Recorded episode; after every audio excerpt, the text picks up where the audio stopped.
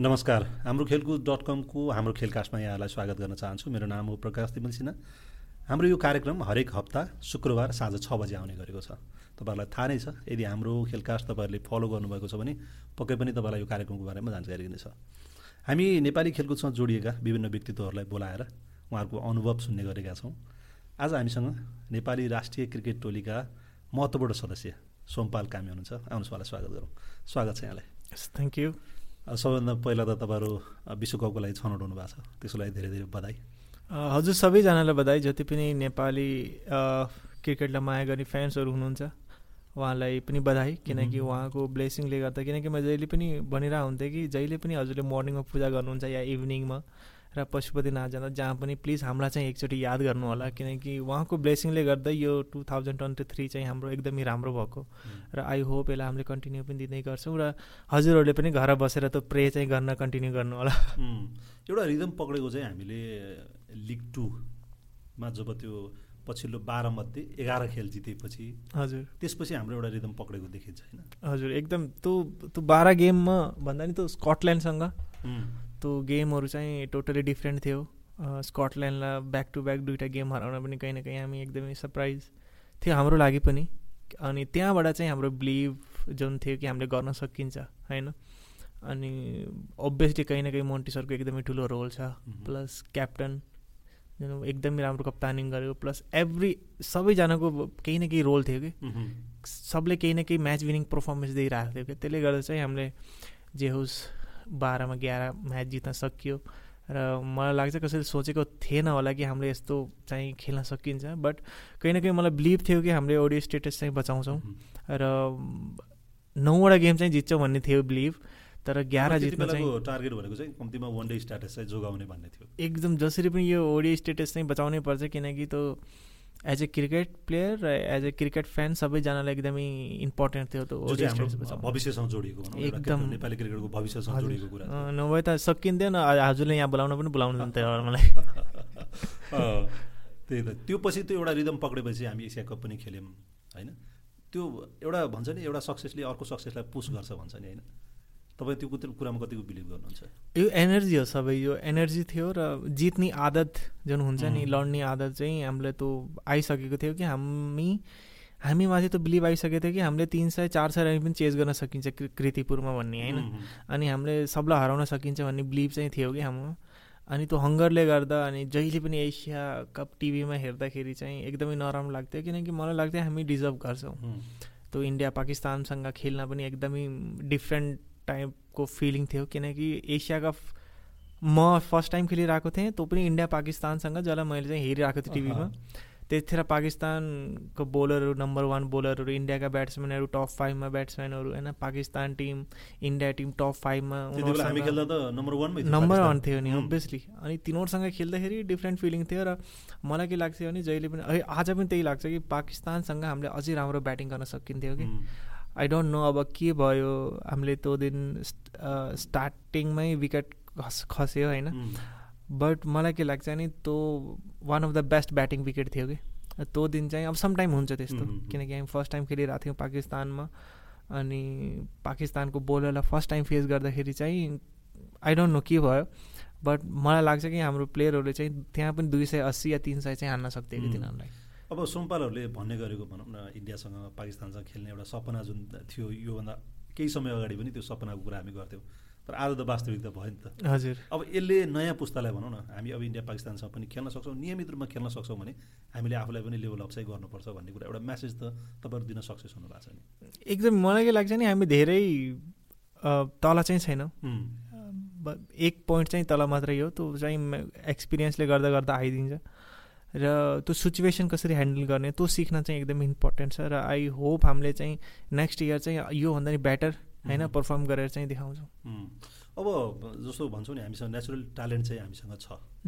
तर number of प्लेयरहरू चाहिँ हामी कहाँ कमी छ। हजुर। जुन चाहिँ अब नम्बर अफ प्लेयरहरू बढाउँदै जाने भने योभन्दा पनि राम्रो हामीसँग ट्यालेन्टहरू आउन सक्छ। एकदम एकदम किनकि जस्तो हजुरले भन्नुभयो नि नेपालमा ट्यालेन्ट अन्नै छ कि। अपर्च्युनिटिजहरू कम छ। अनि हामीले चाहिँ डोमेस्टिकमा अझै काम गर्नुपर्छ। र अझै प्लेयरहरू खोज्नुपर्छ। अझै सोमपाल कामी करण केसी रोहित पौडेल सन्दीप लामी छाने घर घरमा छ कि? तिनीहरूलाई चाहिँ अब उठाएर ल्याउनु पऱ्यो कि छ क्रिकेटमा चाहिँ छ नेपाल स्पोर्ट्समा पनि केही न केही छ। एभ्री एथलिटले चाहिँ यहाँ सर्भाइभ गर्न सक्छ भन्ने चाहिँ त्यो त्यो मेसेज चाहिँ एभ्री घरमा पुगाउनु पऱ्यो खास गरी उहाँको मम ड्याडले चाहिँ उनीहरूलाई अझै होइन मोटिभेट गर्नु पऱ्यो कि छोरा यो गर्न सक्छौ या छोरी तिमीले यो गर्न सक्छौ। फुटबलमा पनि क्रिकेटमा पनि अरू गेममा पनि लाइफ चाहिँ छ तिमीले राम्रो गर्यो भने भन्ने चाहिँ त्यो मेसेज पठाउनु पऱ्यो र एज ए एथलिट नेपाल टिमको जर्सी लगाएको डजन्ट म्याटर तपाईँले फुटबलको लगाउनु छ कि फुटबलको लगाउनु छ कि क्रिकेटको लगाउनु छ जति नेपाल लेखेको आउँछ नि त्यो डिफ्रेन्ट फिलिङै हुन्छ। अनि त्यो फिल चाहिँ मलाई लाग्छ एभ्री एथलिटले चाहिँ एकचोटि चाहिँ लिनुपर्छ र त्यसको लागि तपाईँले के के सेक्रिफाइस गर्नुपर्छ र डिसिप्लिनमा बस्नुपर्छ जे जे गर्न सक्नु प्लिज गर्नु। तर त्यो फिल चाहिँ लिनु लाइफमा यदि तपाईँ स्पोर्ट्समा प्यासनेट हुनुहुन्छ एकदम एकदम त्यो फिल लिन चाहिँ एकदमै इम्पोर्टेन्ट छ किनकि त्यो फिल मैले यहाँ भनेर तपाईँले फिल गर्नै सक्नुहुन्न। त्यो फिल आफै लिनुपर्छ। अब अलिकति तपाईँलाई जस्तो तपाईँले पाकिस्तानको अलिकति एसिया कपमा खेलेको कुरा गर्नुभयो होइन। हामी त्योभन्दा पनि बेटर गर्न सक्थ्यौँ भन्ने कुरा। जस्तो इन्डियासँग खेल्दा या पाकिस्तानसँग खेल्दाको एउटा as a player as a तपाईँ फ्यान हेर्ने एउटा टिभीमा हेर्दाखेरिको एउटा कुरा भयो। तर त्यो त्यहीँ गएर वर्ल्डको टप क्लास ब्याट्सम्यानहरू बलरहरूसँग खेल्दाखेरिको एउटा एक्सपिरियन्स त छुट्टै खालको ज जुन तपाईँहरूले लिनु पाउनुभयो। त्यो त हामीले त महसुस मात्रै गर्ने हो नि त। अनुभवै त तपाईँहरूले गर्नु एकदम एकदम कस्तो खालको अनुभव भयो? फर्स्ट गेम हाम्रो अब पाकिस्तानसँग थियो। म जस्तो बाबरलाई फर्स्ट टाइम हेरेँ ब्याटिङ गर्दा त्यो ब्याटिङ यस्तो इजी छ जस्तो लाग्ने क्या मलाई। किनकि उसले जस्तो ब्याटिङ गरेको थियो लास्टसम्म ब्याटिङ गऱ्यो र उसको ब्याटिङ हेर्दाखेरि लागिरहेको थियो कि यार क्रिकेट कति इजी छ। केही त होइन खेल्ने हो।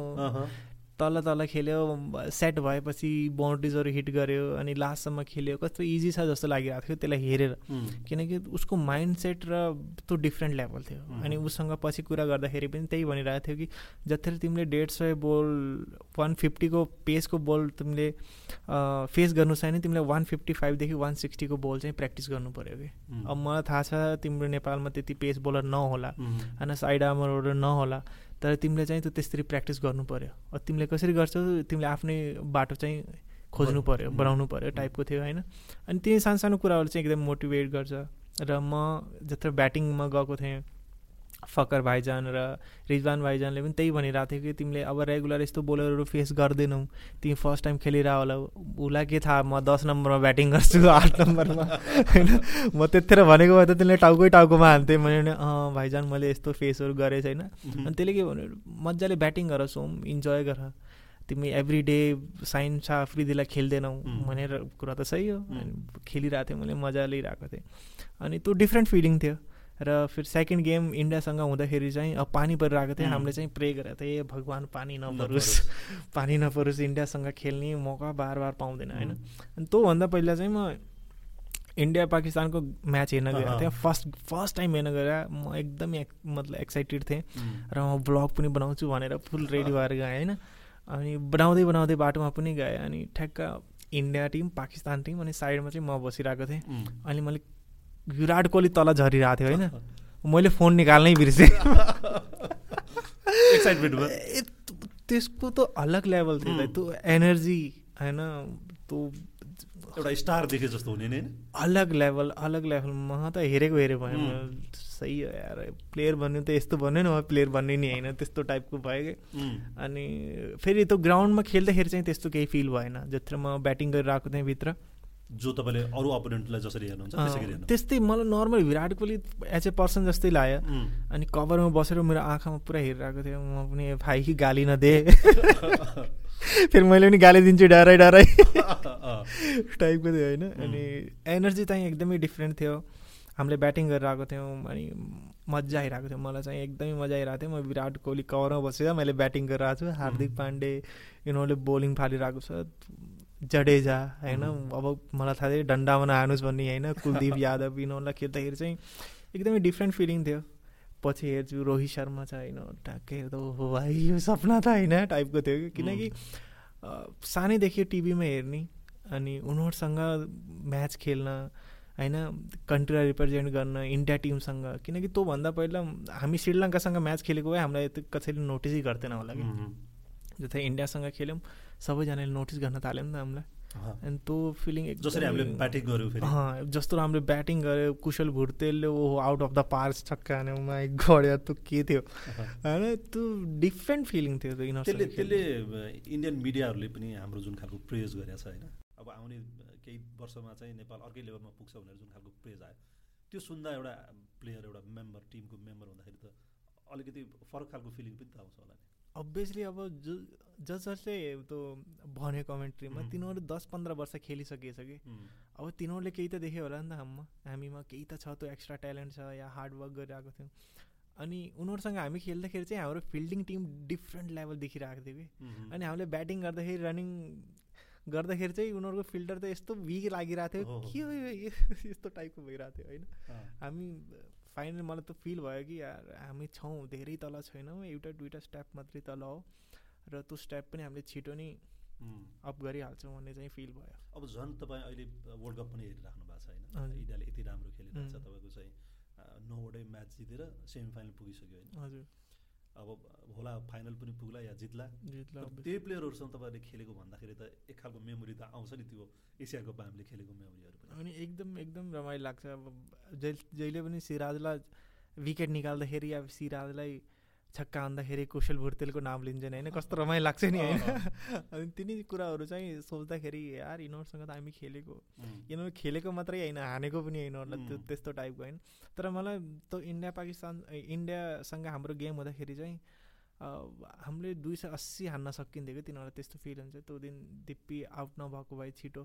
या फेरि हाम्रो सेट ब्याट्सम्यान भनौँ न गुलसन त्यो दिन सेट भएर आउट भयो। मल्लको त ब्याटिङै देख्न पाइएन नि त। मल्लको ब्याटिङ देखेको भए त झन् मजा आउँथ्यो अनि त्यो चाहिँ मिस भयो र आई होप नेक्स्ट टाइम चाहिँ एसिया कपमा नभए वर्ल्ड कपमा चाहिँ मल्लले देखाउनुपर्छ ब्याटिङ कि म पनि थिएँ है भनेर। जुन एसिया कपमा उसले एसियन गेम एसियन गेममा देखायो हजुर। अब त्यो खेलाडीहरूसँगको मेमोरीहरू त तपाईँहरूको अब एउटा इतिहास त तपाईँहरूले बनाउनु भयो त्यसले त नयाँ प्लेयरहरूलाई या नयाँ जेनेरेसनलाई त हामी पनि इन्डियासँग खेल्न सक्छौँ है भनौँ अर्कै लेभलमा हो नि त हामी टेस्ट प्लेइङ नेसन नै तपाईँको चाहिँ एसियामा साउथ एसियामै यति चारवटा छ। अब अफगानिस्तानसम्म हेऱ्यो एसियामा भने त पाँचवटा छ। त्यो लेभलमा हामीले आफूलाई त्यहाँ पुऱ्याउने त्यो लेभलमा हाम्रो कम्पेयर हुने भनेको त काहीँ न काहीँ हामी पनि अब एक लेभल माथि गयौँ भन्ने त। गयौँ हजुर। खुसी लाग्छ खुसी लाग्छ अब नेपाल टिमलाई त्यहाँसम्म पुगाउँदाखेरि डिभिजन थ्री खेलेको पनि हो र आज गएर ओडिए स्टेटस पनि छ। टी ट्वेन्टी वर्ल्ड कप पनि खेल्न गइरहेको छौँ र एसिया कपमा इन्डिया पाकिस्तानसँग खेल्दा त्यो हिस्ट्री मेरो लाइफको जति पनि अहिले पासदेखि मेरो स्टोरी हेर्नु भने मेरो जर्नी हेर्नु भने एकदमै रमाइलो छ कि। अनि मलाई चाहिँ थियो डिभिजन टू डिभिजन थ्रीमा निन्द्रा लाग्थेन होइन रातभरि निन्द्रा लाग्दैन। किनकि अब थाहा छ भोलिको गेम जित्न इम्पोर्टेन्ट छ इम्पोर्टेन्ट छ त्यस्तो हुने।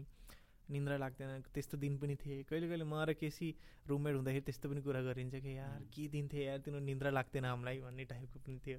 र आज चाहिँ अब यो हाम्रो टी ट्वेन्टी क्वालिफाई गरेपछि चाहिँ अब एक हप्ता कसैले कसैलाई फोन नगरौँ यार सुत्ने हो भन्ने टाइपको पनि थियो कि।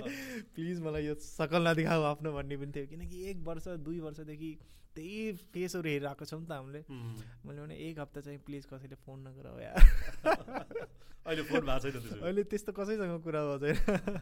अब फेरि हामी त अर्को वर्ष ट्वेन्टी फोरमा त टी ट्वेन्टी वर्ल्ड कप खेल्छौँ। जहाँ पाकिस्तान पनि हाम्रो पोलमा छैन न्युजिल्यान्ड हजुर। भनेपछि त अब त्यसले फेरि अर्को एक्साइटमेन्ट त ल्याउँछ होला एकदम एकदम। मैले सोचेँ अस्ट्रेलियासँग गेम होस् उनीहरूलाई पनि इङ्ल्यान्डसँग होस् इन्डियासँग होस् र मेरो गोल चाहिँ त्यही हाम्रो हाम्रो गोल मेरो मात्रै होइन टप एटमा चाहिँ जसरी पनि पुगौँ फर्स्ट गोल त त्यो हुन्छ। त्यसपछि चाहिँ slowly slowly step by step किनकि एक एक गेमलाई हामीले त्यो बनाएर गइयो भने चाहिँ टार्गेट बनाएर गयो भने इजी हुन्छ। त्यो चाहिँ प्लान छ र त्यसैमा वर्क पनि गरेर अहिले पनि अफ टाइम भए पनि घर घरमा भएको भए पनि सबैले चाहिँ त्यो वर्कलोड के गर्ने कति गर्ने भन्ने चाहिँ म्यासेज आइरहेको छ कि एभ्री डे अब मोन्टी सर घरमा भएको भए पनि उहाँले एभ्री डे केही न केही पठाउनु छ यो रिड गर यो मोटिभेसन स्पिच त्यो बुक पढ बाबु यताउता होइन? अब हामी ग्राउन्डमा नभए पनि सँगै छौँ कि। त्यही भएर हाम्रो टिम चाहिँ ह्याप्पी ड्रेसिङ रुम भन्ने हो र त्यो कति जरुरी एकदम एकदम इम्पोर्टेन्ट छ किनकि अहिले पनि हामी टिम छौँ कि सरले भन्नुहुन्छ हामी फ्यामिली हुन अझै टाइम लाग्छ भनेर। र आई होप हामी छिटो नै फ्यामिली पनि भन्छौँ क्रिकेट फ्यामिली र यो फ्यामिलीमा कोही मान्छे जुड्छ पनि कोही मान्छे छुट्छ पनि होइन बट हामीले चाहिँ सबैलाई जति हुनसक्छ क्यारी चाहिँ गर्नु पऱ्यो र यो ह्याप्पी ड्रेसिङ रुममा चाहिँ ड्रेसिङ गरेर अघि बढ्नु पऱ्यो अब तपाईँको आफ्नो व्यक्तिगत कुरा गर्ने हो भने दुई हजार चौधको विश्वकप खेल्नुभयो टी ट्वेन्टी वर्ल्ड कप खेल्नुभयो अब चौबिसको तयारीमा हुनुहुन्छ। हजुर। सायद दुईजना मात्रै तपाईँहरू हुनुहुन्छ विनोद भण्डारी र म। तपाईँ हुनुहुन्छ। अब त्यसरी हेर्ने हो भने पनि एउटा सिनियर प्लेयर मध्ये तपाईँ पर्नुहुन्छ। अब पहिलो पटक तपाईँहरू बङ्गलादेशमा गएर वर्ल्ड कप खेल्दाखेरिको त त्यो पनि तपाईँलाई बयान गरेर सध्य त छैन होला त्यति बेलाको कुरा गरेर होइन? त्यसपछि हामी लामो समय त क्वालिफाई हुन सकेन। त्यो बेलाको तपाईँको अलिकति पर्सनल एक्सपिरियन्स त्यति बेलाको हामी पहिलोचोटि वर्ल्ड कप खेल्दै थियौँ होइन? अब त्योभन्दा अगाडि तपाईँको आफ्नो कहानी त अझ बाँकी छ। त्यहाँसम्म कसरी आइपुग्नु भने त्यो बेलाको पहिलो वर्ल्ड कप हामी जब खेल्दै थियौँ नेपालले चाहिँ टी ट्वेन्टी वर्ल्ड कप खेल्दैछ। हुन त हाम्रो सपना पचास ओभरको खेल्ने थियो। त्योभन्दा अगाडि हामीले टी ट्वेन्टी खेल्न सक्यौँ। अब पचास ओभरको पनि कुनै बेलामा खेलिहाल आशा गरौँ होइन। त्यो बेलाको तपाईँको अलिकति स्मरण गरौँ न। त्यतिखेर अब टी ट्वेन्टी वर्ल्ड कप म टिममा परेर म धेरै टाइम पनि भएको थिएन टिमसँग जोडेको। र हजुरलाई थाहा होला त्यतिखेर त मलाई बोल्न पनि आउँदैन नेपाली त्यस्तो राम्रो होइन। अनि जस्ट एउटा टुर्नामेन्ट मात्रै खेलेको थिएँ नेपालबाट तँ पनि न्युजिल्यान्डमा। टी तँ पनि क्वालिफायर थियो वर्ल्ड कप क्वालिफायर त्यसपछि वर्ल्ड कप खेल्न जाँदाखेरि चाहिँ म एकदमै एक्साइटेड थिएँ कि वर्ल्ड कप खेल्न गइरहेको छु होइन अनि मलाई पहिला लागेको थिएन कि म टिममा सेलेक्ट सिलेक्सन हुन्छ भन्ने किनकि अब दाईहरू हुनुहुन्थ्यो म्याक्स दाई हुनुहुन्थ्यो अनि अविनाश करण थियो अनि अमित भट्टराई दाई हुनुहुन्थ्यो। अनि मलाई लागिरहेको थिएन कि म चाहिँ टिममा पर्छु भन्ने। र फाइनली मलाई त मौका चाहिँ पायो नेपाल टिमलाई रिप्रेजेन्ट गर्ने।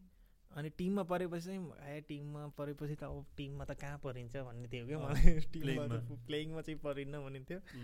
अनि ठ्याक्क अब प्लेइङ इलेभेन निकाल्यो अनि क्यापहरू सबलाई त्यहीँ डेब्यु पनि मेरो त्यहीँ बङ्गलादेशमै भएको थियो अनि ठ्याक्क ड्रेसिङ रुमबाट तल आउँदाखेरि चाहिँ मेरो नाम लिइरहेको थियो कि मान्छेले सोमपाल सोमपाल गुल्मी एक्सप्रेस त हुनिरहेको थियो। अनि म चाहिँ यिनीहरूलाई मेरो नाम पनि थाहा छ यार टाइपको फिल भइरहेको थियो कि। अनि त्यो चाहिँ डिफ्रेन्ट फिलिङ थियो। अनि नेसनल एन्थम जतिखेर बज्यो त्यो अलग लेभल फिलिङ थियो किनकि त्यस्तो क्राउडमा वर्ल्डको वर्ल्ड कप भइरहेको छ। अनि त्यहाँ हाम्रो नेसनल एन्थम बजिरहेको त्यो चाहिँ अलग फिलिङ थियो र फर्स्ट बोलमा दाइले इरफान भन्नेलाई आउट पार्नुभयो हङकङको। अनि सेकेन्ड ओभरमा फेरि मैले विकेट लिएँ। अनि रमाइलो थियो तिनी सबै चिजहरू रमाइलो थियो। तर यो त्यतिखेर जति एक्साइटेड थियो त्यो कोसँग सेयर गर्ने हुन्थ्यो कि? किनकि टिममा सबभन्दा जुनियर पनि मै थिएँ अनि नबोल्न आउने मान्छे पनि मै थिएँ होइन? अनि त्यो तिनी तिनी कुराहरू थिए। बट अहिले चाहिँ अब फाइनली अब चाहिँ सिनियर भइदिएँ म। अब चाहिँ रमाइलो हुन्छ यो अब अहिले त आफूलाई एक्सप्रेस गर्नु पनि सजिलो छ। हजुर अहिले चाहिँ एकदम सजिलो छ। त्यो यो यो दस वर्ष हामीले जुन खालको स्ट्रगल गऱ्यौँ नि त होइन? एउटा त्यो रेगुलर तपाईँ मेम्बर भएको नाताले पनि फेरि त्यो सपना फेरि पुरा गर्ने क्रममा हुँदाखेरिको त एउटा डिफ्रेन्ट फिल त यहाँ पनि भयो नि फेरि। तपाईँले अस्ति हामी क्वालिफाई गरिसकेपछि पनि भन्नुभयो। त्यो कुराहरू चाहिँ। एकदम खुसी लाग्छ अब आफ्टर टेन इयर नेपाल टिमलाई फेरि त्यो वर्ल्ड लेभलमा चाहिँ वर्ल्ड कपमा चाहिँ हामीले रिप्रेजेन्ट गर्न गइरहेको छौँ। कहीँ न कहीँ एकदमै खुसी लाग्छ। र कति केटाहरू त रुन पनि रोएको थियो। किनकि सपना थियो नि त यो हाम्रो कि नेपाल टिमलाई वर्ल्ड कप खेलाउन छ। हामीलाई थाहा छ टी ट्वेन्टी चाहिँ हामीले जसरी पनि वर्ल्ड कप खेल्न सक्थ्यौँ भन्ने हामीलाई थाहा थियो कि? बट लास्ट इयर पनि हामीले मिस गरौँ त्यसमा मिस किन भयो भने करण केसी इन्जर्ड भयो म इन्जर्ड भएको थिएँ होइन? त्यसले गर्दा चाहिँ मिस गरियो। हामीले त्यहाँ पर्फर्मेन्स भएन। एउटा गेममा मात्रै भएन। नभए त क्रिकेट राम्रै खेलेको थियो। र कहीँ न कहीँ त्यो सोच्दाखेरि म इन्डियामा थिएँ क्या अनि त्यतिखेर मलाई चाहिँ एकदमै नराम्रो लागेको थियो किनकि एउटा गेम नराम्रो खेलियो अनि त्यसले गर्दा चाहिँ क्वालिफाई गर्न सकिएन भन्ने मन थियो। र त्यो दिनदेखि चाहिँ हामीले त्यही सोचिरहेको थियौँ। सबैको मनमा त्यही थियो कि हामीले टी ट्वेन्टी वर्ल्ड कप खेल्न सकिन्छ या टी ट्वेन्टी वर्ल्ड कप खेल्न सकिन्छ। पचास ओभरमा फेरि पनि हाम्रो एक्सपिरियन्स त्यति छैन बट टी ट्वेन्टीमा चाहिँ हामीले गर्न सकिन्छ। सानो गेम छ कम गर्न सकिन्छ कि। त्यो थियो। अनि हामीले त्यसैमा वर्क पनि गरिरहन्थ्यो एभ्री डे त्यही कुरा हुन्थ्यो कि। हाम्रो अब कुशल भोटेल त अब टी ट्वेन्टी गेम आयो दाइ यो मेरो गेम हो भन्ने होइन। अनि त्यस्तो त्यस्तो रमाइलो थियो। अनि एकदमै राम्रो क्रिकेट पनि खेल्यौँ। सेमी फाइनल जुन हामीले खेल्यौँ त एकदमै राम्रो भयो। सबैजनाले हन्ड्रेड पर्सेन्ट दियो। कहीँ न कहीँ हामीले फाइनलमा मिस्टेक गरियो। हामीले जित्न सकिएन ट्रफी बट जे हाम्रो गोल थियो त्यो चाहिँ पुरा भयो त्यसको खुसी थियो। बट सेमी फाइनल यस्तो भएको भए त हामी पागल हुन्थ्यौँ होला। मूल पानीबाटै कहाँ कहाँ गइदिन्थ्यौँ होला। त फेरि पनि एकदमै खुसी लाग्छ। सबैजनाले एकदमै राम्रो पर्फेक्ट त्यो विकेटमा खेल्न इजी थिएन। आसिफ शेखले जो इनिङ खेल्यो त्यो डिफ्रेन्ट लेभल इनिङ थियो। रोहित पौडेलले यस्तो राम्रो इनिङ खेल्यो अनि त्यो खास एक ओभरमै गेम चेन्ज भएको। र एकदमै राम्रो त्यो गुलसनलाई जहाँ हामीले पठायौँ त्यहीँ गेम चेन्ज भएको किनकि तिनीहरूको लेफ्ट आर्म थिए। र एकदमै राम्रो गुलसन र सेखुमा चाहिँ पार्टनरसिप भयो अनि त्यसपछि चाहिँ फिनिस चाहिँ रोहितले र सेखुले एकदमै राम्रो गरेर त्यसपछि त केटाहरू हुन्छ नि त सबै। किन रोइरहेछन्? हामी त जितेको किन रोइरहेछन्? यिनीहरू टाइपको चाहिँ भएको थियो। तर रमाइलो थियो। सबैजना खुसी थिए। सबै सिनियर प्लेयरहरू त्यहीँ हुनुहुन्थ्यो शक्ति दाई आउनुभएको थियो पारस दाई शरद दाई ज्ञान दाई चाहिँ हुनुहुन्थेन होला त्यहाँ प्रदीप दाई हुनुहुन्थ्यो अनि रमाइलो थियो त्यहाँ एकदम खुसी पछि तपाईँले त्यो सेलिब्रेट गर्ने कुरामा बेलामा शरदलाई पनि बोलाउनु हजुर शरद दाईहरू सबै हुनुहुन्थ्यो अनि एकदमै रमाइलो लाग्यो सबैजना खुसी थिए। र त्यो मुमेन्ट चाहिँ गोल्डन मुमेन्ट थियो। क्याप्चर गर्नुपर्ने थियो है त्यो पनि। त्यो दिन त हामीलाई भोक पनि लागेन थाहा छ हजुरले ब्रेकफास्ट गरेछ नि सिधै डिनर गऱ्यो नि हामीले। भोकै लाग्ने त्यस्तो डिफ्रेन्ट फिलिङ थियो एकदमै खुसी लाग्यो। म त होटलसम्म नाच्दै गएको। बसमा। अनि त्यस्तो मुमेन्ट्सहरू चाहिँ लाइफमा तपाईँले त्यसको ऊ पनि बनाउनु भएको छ। नै त्यो बनाएन किनकि अब नाचिरहेको थिएँ नि त म। ए ए। तर हिजो एउटा अपलोड गर्नुभएको छ तपाईँले भिडियो तर त्यो चाहिँ अब फ्यान्सहरूसँग हल्का अब सबले मन पराउनुहुन्छ। अनि म उनीहरूले चाहिँ मलाई बोलाउनु भयो फोटो खिचाउँ फोटो खिचाउँ भने ठिक छ। एक एक घन्टा एक घन्टा जति भइसक्यो थियो उहाँले वेट गर्दै हुनुहुन्थ्यो। म पनि त्यही थिएँ। तपाईँसँग मैले त्यही बेलामा टाइम लिएको। हजुर अनि त्यसपछि चाहिँ उनीहरूसँग ठ्याक्क गरेँ। अनि दाइ ब्लग पनि बनाइदिनु न एटलिस्ट हामी ब्लगमा आइन्छ होइन पछि वायर पनि हजुरको ब्लग हेर्न मजा आउँछ भन्यो। अनि त्यसपछि चाहिँ ल ठिक छ सानो ब्लग भए नि बनाऊ भनेर चाहिँ बनाइदिएको थियो अनि जर्सी माग्दै थियो फेरि हजुर जर्सीहरू मलाई जर्सी कहिले दिने जर्सीहरू मागिरहेको थिएँ अनि एउटा जर्सी त दिएँ अब अरू चाहिँ दिएन। सोमबारले चाहिँ के भने फाइनल खेल्न दियो अनि त्यही बेला मैले टाइम लिएको थिएँ। हजुर। अनि मैले सुभाषलाई भन्छु अनि हामी कुरा गरेर। हजुर। कुरा किनभने पहिल्यैदेखि हामी कुरा गर्ने चाहिँ क्रिकेटरहरूसँग हामीले धेरै कुरा गर्नु पाएको छैनौँ किनभने यो पछिल्लो समय तपाईँहरूको एकदमै एकदमै हजुर रहनु भएन अनि फेरि तपाईँको गेमभन्दा त हाम्रो यो कुराकानी त महत्त्वपूर्ण पक्कै हुँदैन। हजुर। गेम सकेपछि फेरि कुरा गरौँला समय मिलेपछि भनेर। अनि आज संयोग जुर्यो। यसरी गफ गर्नु पाएनौँ नि त। हजुर। तर रमाइलो भयो। होस् तपाईँले फाइनल जितेपछि बोलाउनु भयो हामीलाई। मतलब फाइनल भन्दा क्वालिफाई थ्याङ्क गड हामीले क्वालिफाई गऱ्यो नभए हजुरले बोलाउनु थिएन होला। त्यस्तो त हुँदैन। होइन यो त एउटा जर्नी हो नि त तपाईँको हार जित त चलिरहन्छ होइन? तर तपाईँले जुन एक्सपिरियन्स गर्नुभएको छ त त्यो त एउटा नयाँ पुस्ताको लागि त इन्सपिरेसन पनि हो। तपाईँको अब जर्नीको हामीले अलिकति कुरा गर्ने हो भने जब तपाईँ पन्जाबबाट फर्किनु भयो इन्डियाबाट फर्किसकेपछि एउटा फ्यान क्लबलाई रिप्रेजेन्ट गर्ने क्रममा हो नि त तपाईँ क्रिकेटमा नेपालको क्रिकेटमा तपाईँको इन्ट्री भएको। हजुर। होइन त? हो एकदम।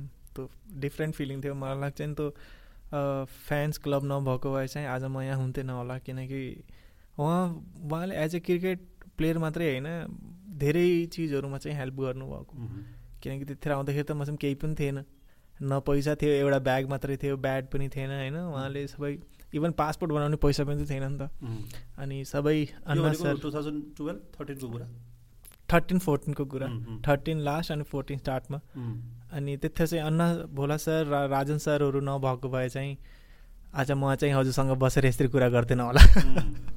अनि उहाँहरूले चाहिँ एकदमै हेल्प गर्नु मलाई। र कसरी सम्पर्कमा पुग्नु पर्यो तपाईँहरू? म खास अब इन्डियाबाट आउँदाखेरि चाहिँ कन्ट्याक्ट थिएन मेरो कसैसँग। म चाहिँ अर्जुन अधिकारीसँग आएको थिएँ। अहिले चाहिँ ऊ जापानमा छ। अनि उसले चाहिँ मलाई लिएर आएको थियो। उहाँको मम्मी ड्याडी फ्यामिलीले चाहिँ एकदमै सपोर्ट गर्नु मलाई एकदमै माया गर्ने। अनि उहाँले चाहिँ ल्याउनु भयो आफूसँग राख्नुभयो अनि उहाँले चाहिँ अन्ना बोला सरसँग कुरा गर्नुभयो रहेछ। अनि अन्ना बोला सरसँग कुरा गरेपछि चाहिँ एक दिन मलाई कृतिपुर बोलाउनु भयो। अनि त्यहाँ चाहिँ भुवन कार्की दाई र योगमान कुमार हुनुहुन्थ्यो होइन? अनि उहाँले चाहिँ मलाई ट्रायल लिनुभयो। पहिला मैले बोलिङ गरेँ अर्जुनले बोलिङ बोलिङ राम्रो भयो। अनि ब्याटिङ पनि गर्छु सर भन्यो हाम्रो पुबु सरले हजुर म ब्याटिङ पनि गर्छु भने होइन? र ब्याटिङ गर भन्यो। अनि भुवन दाइले त ठिक राम्रै फाल्नु भयो थियो स्पिनर ठ्याक फाल्नु भयो थियो। यो गुमान कुमाल त यस्तो लागिरहेको थियो यो मेरो जग्गा लिन आयो कि भनेर टाउकै टाउको मानिरहेको थियो भाइ यहीँ शहीद गर्छौ कि भन्ने टाइपको मैले अहिले पनि यो गुमानलाई जहिले पनि भेट्छु त्यही भन्छु यार तिमीले त मलाई मारिसकेको थियौ त्यो टाइपको थियो होइन अनि त्यसपछि चाहिँ अब पुबुदु सर र अन्ना सरले भन्नुभयो कि ठिक छ तिमी क्याम्पमा पनि आऊ तर तिमी चाहिँ पहिला क्लब गेम खेल। अनि एमसिएफसीबाट खेलेँ फ्यान क्लबबाट अनि फर्स्ट गेममै मलाई ओपनिङ गराउनु भयो अनि ब्याटिङ एकदमै राम्रो भयो। फोर्टी नाइन समथिङ हानेको थिएँ। अनि उन्नाइस ओभर चाहिँ खेलेको थिएँ मलाई याद छ लास्टसम्म खेलेको थिएँ फर्स्ट ओभर पनि खेलेँ लास्ट ओभर पनि मै खेलेको थिएँ अनि त्यसपछि फेरि सिलेक्सन हुँदै गयो हुँदै गयो राम्रो हुँदै गयो। अनि टिममा परेँ। टिममा परेपछि चाहिँ अब पासपोर्ट बनाउने पैसै छैन। कहाँबाट ल्याउने? त्यो त्यो टुर्नामेन्टपछि तपाईँ नेसनल टिममा कल भयो तपाईँको? हजुर त्यहाँ पर्फर्म गऱ्यो गरेँ अनि नेपाल टिमले टी ट्वेन्टी क्वालिफाई पनि गरेर आइसक्यो। म अन्डर नाइन्टिनको क्याम्पमा थिएँ त्यतिखेर। अन्डर नाइन्टिनको क्याम्पमा थिएँ अनि यहाँ जर्नी टु वर्ल्ड कप एउटा टुर्नामेन्ट भएको थियो। अनि त्यो टुर्नामेन्ट खेल्दाखेरि मसँग स्पाइक्स पनि थिएन कि। मलाई राहुल प्रताप भन्ने एउटा साथी थियो मेरो अन्डर नाइन्टिनको उसले चाहिँ मलाई आफ्नो सुज दिएको थियो कि। मलाई अहिले पनि याद छ होइन। अनि त्यो सुज चाहिँ रिबकको सुज थियो। अनि त्यहाँ राम्रो पर्फर्मेन्स भयो। दुई तिन म्याचमा चाहिँ दस विकेट निकालेको थिएँ। अनि सरले चाहिँ अब म त नाइन्टिनमा टिममा थिएँ। टिममा परिसकेको थिएँ अनि लास्ट टाइममा चाहिँ उहाँले अब न्युजिल्यान्डको लागि पनि सोमलाई गर्ने भनेर अनि फेरि न्युजिल्यान्ड फ्लाइ गरेको। अनि त्यतिखेर चाहिँ पासपोर्ट पनि थिएन। अनि पासपोर्टको लागि अन्ना सरलाई भने अनि अन्ना सरले खै कहाँबाट पैसा जुदाउनु भयो उहाँले? होइन अनि भन्दै हुनुहुन्थ्यो। फ्यानहरूले तिम्रो लागि पठाएको दुबई यताउताबाट उहाँले चाहिँ पठाउनु भएको भनेर त्यसपछि कपडा जुत्ता झोला अनि होइन ब्यागहरू सब किनिदिनु भयो पासपोर्टहरू बनाउनु भयो। अनि त्यसले गर्दा फेरि म सोमपाल कामी भने नभए बन्थेन होला। एउटा संयोग पनि हो। हजुर एकदम। तपाईँलाई अर्जुनजीले ल्याउनु भएको चाहिँ इन्डिया गएरै लिएर आउनु भयो कि तपाईँसँग सम्पर्क कस्तो होइन हामी इन्डियामा सँगै खेल्थ्यौँ। ए सँगै म पन्जाबको क्याप्टन थिएँ। ऊ चाहिँ विकेट किपर ब्याट्सम्यान थियो। ए। अनि उसले चाहिँ यत्तिकै फेसबुकमा चाहिँ म्यासेज गरेर हुन्थ्यो पहिला पहिला हुन्थ्यो नयाँ नयाँ फेसबुक हुन्थ्यो। कमेन्ट गरिदिए लाइक गर्दै टाइपको होइन? उसले चाहिँ म्यासेज गर्थ्यो सोम कमेन्ट गरिदेऊ न लाइक गरिदेऊ न टाइपको हुन्थ्यो। अनि एक दिन चाहिँ यत्तिकै खेलिरहेको थिएँ म अन्डर सिक्सटिन खेलिरहेको थिएँ। अनि पन्जाबमै। हजुर अनि किङ्स इलेभेन पन्जाबको क्याम्पमा चाहिँ म सेलेक्ट भएको थिएँ कि। त्यसमा चाहिँ छ सात सयजनाले ट्रायल दिन्छ यसमा पाँच छजना मात्रै राख्छ कि तिनीहरूले एज अ नेट बोलर अनि म चाहिँ एज अ नेट बोलर चाहिँ त्यहाँ सेलेक्ट भएको थिएँ। अनि उहाँ चाहिँ पन्जाबमा हुनुहुन्थ्यो सिलेक्टर हुनुहुन्थ्यो। उहाँको नाम मैले बिर्सेँ अनि उहाँले चाहिँ मलाई के भन्नुभयो तिमी नेपाल गएर खेला। यहाँ चाहिँ तिमीलाई गाह्रो हुनसक्छ किनकि सिद्धार्थ कल थियो सन्दीप शर्मा थियो बलतेज थियो कमल पासी भन्ने यिनी प्लेयरहरू टन्नै थियो कि? तिमीलाई गाह्रो हुनसक्छ तिमीले जति पर्फर्मेन्स गरे पनि अब यिनीहरू त खेलिसकेका छन्। स्टेट नेसनल इन्डिया खेलिसकेका छन्। तिमीलाई गाह्रो हुनसक्छ एकचोटि इन्डिया छोडेर नेपालमा गएर ट्राई गर भन्नुभयो। अनि मैले भने नेपालमा जान त मन छ मलाई खेल्न मन छ तर मेरो अभियसली कसैलाई चिनेकै थिएन काठमाडौँमा। काठमाडौँ मम्मी ड्याडीलाई भन्ने हो नि त नजा त्यहाँबाट चोरी हुन्छस् त भन्नुहुन्थ्यो। म हिराबाट चोरी हुन होइन मम्मी ड्याडीले डराउनु थियो काठमाडौँबाट। अब कोही पनि थिएन नि त चिनेको। गुल्मीमा त कसरी क्रिकेट खेल्नु? अनि त्यतिर कोही पनि थिएन। अनि अब मम्मी ड्याडीले आउन दिनु भएन अनि म चाहिँ आएको फेरि छोड्दै दस हजार लिएर भागेर आइदियो अर्जुनसँग। अनि त्यसपछि राम्रो हुँदै गयो। भगवान्ले आफ्नो ब्लेसिङ दिनुभयो। म अनि एकदमै सोचे भन्दा राम्रो पनि भयो पर्फर्मेन्सहरू टिममा पनि छिटो छिटो परे। अनि मलाई चाहिँ मेरो सिनियर दाईहरू चाहिँ एकदमै राम्रो मिल्नुभयो कि। शक्ति दाई मेरो फर्स्ट रुममेट हुनुहुन्थ्यो। अनि उहाँले चाहिँ मलाई धेरै कुराहरू सिकाउनु भयो। मेबी त्यति क्रिकेटलाई म त्यति रिस्पेक्ट गर्थेन होला त्यति जति दाईले दिनुभयो कि मलाई कि क्रिकेट यो हो त्यो अनि मैले आफ्नो कोचबाट र शक्ति दाईसँग चाहिँ धेरै कुरा सिकेँ कि। कोचले चाहिँ अब जहिले पनि ग्राउन्ड ढोगेर भित्र आउनुहुन्थ्यो र घर जाँदाखेरि फेरि ढोक्नुहुन्थ्यो भन्नुहुन्थ्यो यो मेरो मन्दिर हो टाइपको होइन त्यति त म चौध पन्ध्र वर्षको भए के गर्नु छ भन्थ्यो होइन अनि शक्ति दाईसँग पाँच वर्ष मैले रुम सेयर गर्दाखेरि त्यही सिकेँ कि क्रिकेट के हो भन्ने। क्रिकेट के हो अनि अनि मर्निङमा उठेर पूजा गर्ने किन इम्पोर्टेन्ट छ? खाना टाइममा खाना किन इम्पोर्टेन्ट छ? तिनी कुराहरू डिसिप्लिनहरू चाहिँ एकदमै सिकाउने क्या दाइले। अहिले पनि त्यो डिसिप्लिन उसको अहिले कन्टिन्यू एकदम। हामी तपाईँहरूको एसियाको हेर्न जाँदाखेरि हामी सँगै थियौँ। हजुर। शक्तिको विशेष। हामीहरू सँगै बसेको। अहिले पनि उसको आफ्नो डाइट आफ्नो डाइटसँगै होइन? मैले भाउजूलाई भन्थेँ कि तपाईँले यो पचास वर्षको बच्चा लिएर घुम्नु चाय बिस्कुट नेपकिन होइन? सबै चिज एकदम। पुरा झोला बोकेर हिँड्नु भयो दाइ हँसाउनुहुन्छ दाइले तर शक्ति दाई जस्तो मान्छे चाहिँ मैले अहिलेसम्म भेटेको छैन। उहाँ जस्तो जति क्रिकेटलाई दिनु छ उहाँले मलाई लाग्दैन कसरी दिन सक्छ। आफ्नो पकेटबाट दिनुहुन्छ कि उहाँले? जति आफ्नो समयमा खेल्नुभयो खेल्नु होइन? त्यस बाहेक पनि अब अहिले नेसनल टिममै हेर्नु न। होइन? उहाँको कन्ट्रिब्युसन अभियसली प्लेयरहरू हेर्नु। सुशान्त भारी हेर्नु सौरभ खनाल थियो होइन? कुशल मल्ल भयो। कुशल मल्ल हेर्नु अहिले। अनि त्यसले गर्दा पो यहाँ पुगेको नभए शक्तिदायी नभएको भए त्यहाँ कतिजना प्लेयरहरू प्लेयर बन्थेन होला। मेबी कतिजनाले त्यो ड्रिम शक्तिदाईले देखेको ड्रिम अचिभ गर्न सकेन तर आफ्नो टाइममा खेलाउनु भयो नि त उहाँले ट्राई त गर्नु भयो। अब सबैलाई खेलाए बिसका बिसजना प्लेयर त बन्न बन्दैन। अभियसली एक दुईजना त्यहाँबाट निस्कियो भने त ठुलो कुरा हो नि त। एउटा एकाडेमीबाट तपाईँको एउटा मात्रै कन्ट्रिब्युसन नेपालको लागि हुन्छ भने त ठुलो कुरा ठुलो कुरा नि। अनि शक्तिदाईले त दिनुहुन्छ तिन दुईवटा तिनवटा प्लेयरहरू दिनुभएको छ कहीँ न कहीँ म पनि उहाँकै भनौँ न उहाँले एकदमै कुराहरू सिकाउनु भएको छ मलाई टन्नै कुराहरू। अनि मलाई जहिले भन्नुहुन्थ्यो कि तिमी चाहिँ राम्रो अलराउन्डर बन्न सक्छौ तिमी राम्रो गर्न सक्छौ। यो गरेर त मलाई यहाँ चाहिँ म नयाँ नयाँ थिएँ। अब टिममा परेको दस बजे दाइ सुत्ने कि लाइट बन्द गरेर। अब म त यङ प्लेयर हुन्छ नि त अब फोन चलाउने यताउता। होइन? दाइले फेरि इन्डाइरेक्टली गाली गर्नुहुन्थ्यो कि एउटै प्लेयर थियो राम्रो बन्छ सोचिरहेको थिएँ तँ पनि फोनमा डुब्छ भन्ने कि। त्यस्तो टाइपको दिने कि दाइले। त्यो भनेको सिधा त भनेको होइन। त्यो सुत भनेको क्या। अनि फोन बन्द गरेर सुतिदिँदै होइन अनि अनि ब्रेकफास्ट गर्दाखेरि अब काँटा चम्मच के हामीलाई के थाहा अनि त्यो चम्मच काट्दाखेरि आवाज आउँछ नि त। के बाबु के हो यो? आवाज किन आइरहेको सिकाउने होइन। मलाई त थाहा पनि थिएन खाना स्टार्ट कसरी गर्ने हो। ब्रेकफास्ट कसरी स्टार्ट गर्ने अब पन्जाबमा बस्ने परौठा खाने घिउ खाने सक्यो यति मात्रै धेरै धेरै अम्लेट होइन। अब इङ्ग्लिस ब्रेकफास्ट डिफ्रेन्ट हुन्छ। अनि दाइलाई फलो गर्थ्यो कि कहाँबाट स्टार्ट गर्ने कहाँबाट सकाउने ऊ त सबै कुरामा चाहिँ अपडेट एकदम प्रो हो उहाँ। चाहिँ एकदम गाली बहुत गाली गर्नुहुन्थ्यो मलाई। अनि रमाइलो लाग्थ्यो दाइसँग बस्न। अनि मलाई चाहिँ एकचोटि घरमा बोलाउनु थियो खाना खाना अनि घरमा बसेको थिएँ। अनि त्यो दिन चाहिँ मलाई मजा आएको थियो। शक्ति दाईको घरमा बोलाउनु थियो अनि शक्ति दाईले खाँदाखेरि खसाल्नुहुन्छ कि यताउता उहाँको मम्मीले गाली गर्नुभयो उहाँलाई मलाई बडा मजा। अरू बेला शक्तिले हामी गाली गरेर त्यो दिन मलाई बडा मजा। खुसी लाग्यो त्यो दिन अब जस्तो गुल्मीबाट चाहिँ तपाईँ कति वर्षको उमेरमा इन्डिया जानुभयो? म तिन वर्षको थिएँ क्या अनि तपाईँलाई सम्झना हुने कुरा पनि भएन। थोरै थोरै एकदम एकदम कम याद छ। मलाई याद छ पापाले मलाई बोकेर लानुभएको थियो। त्यतिखेर हिँड्नु पर्थ्यो धेरै। किनकि बाटोमा गाडी हिँड्दैन अनि पापाले मलाई त यहाँ उठाउनु भएको थियो एउटा ब्याग थियो अनि बोकेर लानुभएको थियो मलाई त्यति याद छ। अनि इन्डियामा त्यही हो इन्डियामा गइयो अनि त्यही स्टार्ट गऱ्यो स्टडी। स्टडी पापाले त पढाउन लानुभएको थियो तर पढाइ चाहिँ मबाट भएन। होइन अनि क्रिकेट हेर्दा हेर्दा मेरो कान्छी पापा हुनुहुन्थ्यो भुवन सुनार उहाँ चाहिँ अहिले बाहिर हुनुहुन्छ। अनि उहाँले चाहिँ स्कुल लाने स्कुलबाट ल्याउने गर्नुहुन्थ्यो कि। अनि उहाँले अब खेल्न पनि पापा हुनुहुन्थ्यो अब घरमा म एक्लै हुन्थ्यो त्यसले गर्दा कान्छे बाबाले चाहिँ मलाई कान्छे पापा अङ्कलले चाहिँ घुमाउन लानुहुन्थ्यो टाढा टाढा खेल्न लाने होइन। अनि ठ्याक्कमा बस्ने अनि पानी खाने केही न केही मिठाई दिने खाने बस्ने हेर्ने टाइपको हुन्थ्यो कि।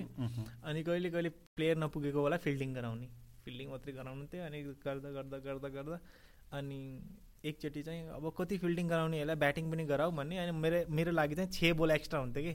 लास्टमा चाहिँ यसले छ बोल खेलाउँ टाइपको हुने कि होइन? निराश निराश नहोस् भोलिबाट आउँदैन कि टाइपको फिल्डिङ मात्रै गराउने। अनि खेल्दा खेल्दा खेल्दा अनि खेल्दै खेल्दै खेल्न थालेँ। कति वर्षको उमेरतिर यो चाहिँ? म पाँच छ वर्षकै होला। म जाँदा बित्तिकै अब कान्छे बापासँग हिँड्ने अनि कान्छे बाबासँगै हुन्थ्यो कि बिहानदेखि बेलुका राति कान्छे बाबाले पढ्नु पनि पढ्नु सँगै सुत्ने खाने फेरि आफै लगेर जाने आफै लिएर आउने यस्तो यस्तो टाइपको हुनुहुन्थ्यो। र मलाई अहिलेसम्म कान्छे बाबाले केही भन्नु थिएन क्या। अनि म एसिया कप खेल्न गएँ नि इन्डिया पाकिस्तानसँग। त्यतिखेर चाहिँ म्यासेज गर्नुहुन्थ्यो कि मलाई। मैले हेरिरहेको छु राम्ररी खेला भनेर भन्नुभयो कि मलाई। यत्रो वर्षमा? अँ त्यति वर्षमा। अहिलेसम्म केही भन्नु हुँदैन। त्यो दिन चाहिँ भन्नुभयो अनि मलाई चाहिँ एकदम खुसी लाग्यो त्यो दिन कान्छ पऱ्यो फाइनली मलाई केही भन्नुभयो टाइपको। अनि उहाँले गर्दा चाहिँ क्रिकेट स्टार्ट भयो। अनि त्यसपछि चाहिँ अब कान्छे बाप्पाको स्कुल सकियो स्कुलिङ सकियो। अनि मेरो चाहिँ अब कन्टिन्यू थियो। फिफ्थ फिफ्थ भने फोर्थ फिफ्थ क्लासमा थिएँ। अनि मलाई चाहिँ त्यही गलीमा खेलिरहेको थिएँ। र एकजना कोचले देख्नुभयो मलाई जन गभर्मेन्ट स्कुलको हुनुहुन्थ्यो। अनि उहाँले देख्दाखेरि चाहिँ क्रिकेट खेल्ने हो भने म खेल्ने हो। प्रोफेसनल क्रिकेट खेल्ने म हजुर खेल्ने हो भने होइन। अनि आऊ भोलि तिन बजे भन्नुभयो। म तिन बजे गएँ। तिन बजीमा चप्पल लाएर गएछु। चप्पल लाएर जाँदाखेरि त अब चप्पल होइन जुत्ता लाएर भने अब जुत्ता थिएन के गर्ने? अनि जुत्ता त छैन सर भने अनि उहाँले फेरि कपडा पनि थिएन। अनि कपडा पनि फेरि कान्छोबाले दिनुभयो। कान्छो यति ठुलो ट्राउजर।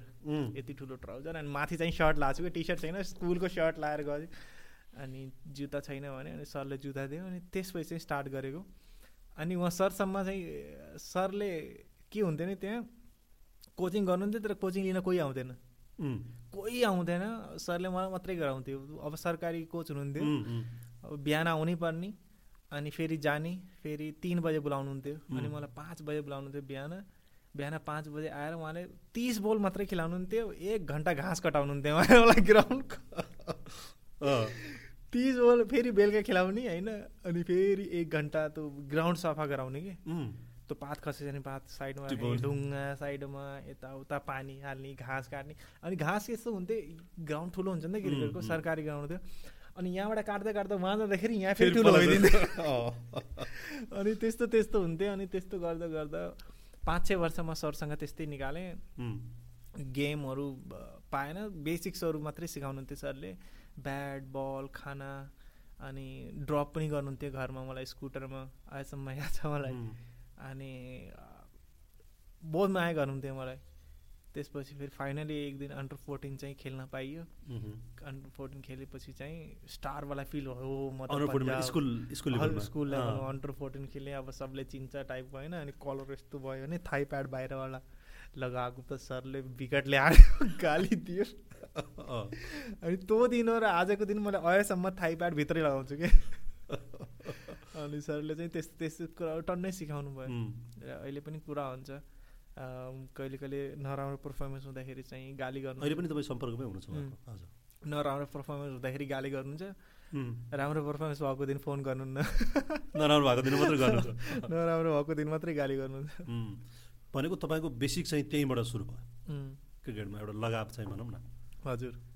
अब त्यो एउटा पार्ट एउटा एउटा तपाईँको समय रह्यो एउटा बाल्यकाल त्यसरी तपाईँको बित्यो भनेपछि नेपाल आइसकेपछि नि अर्को खालको तपाईँको जर्नी स्टार्ट भयो होइन? अब त अहिले त दस वर्ष तपाईँ झन्डै नेसनल टिममा भइसक्यो होइन तपाईँको।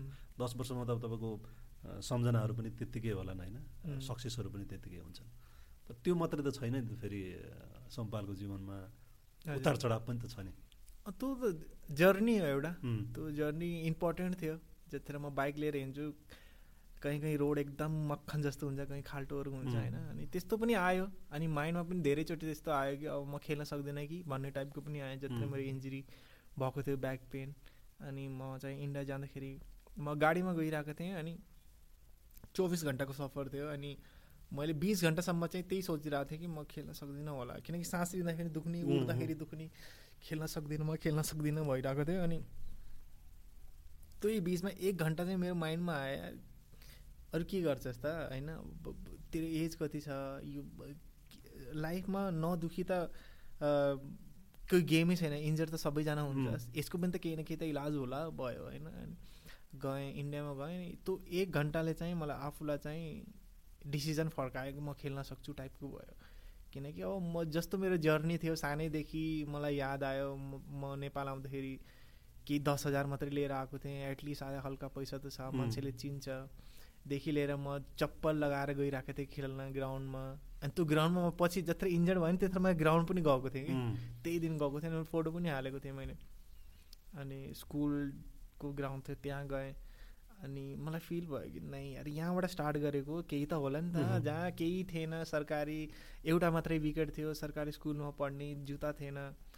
ब्याट थिएन भाँचेको एभ्री डे ब्याट जोडेर खेल्ने मान्छे आयो तिमी यहाँ पुगेछौ भने त केही न केही त होला नि त तिम्रो अहिले त सकिँदैन यस्तै त एटलिस्ट यस्तै त सकिँदैन भन्ने चाहिँ थियो कि।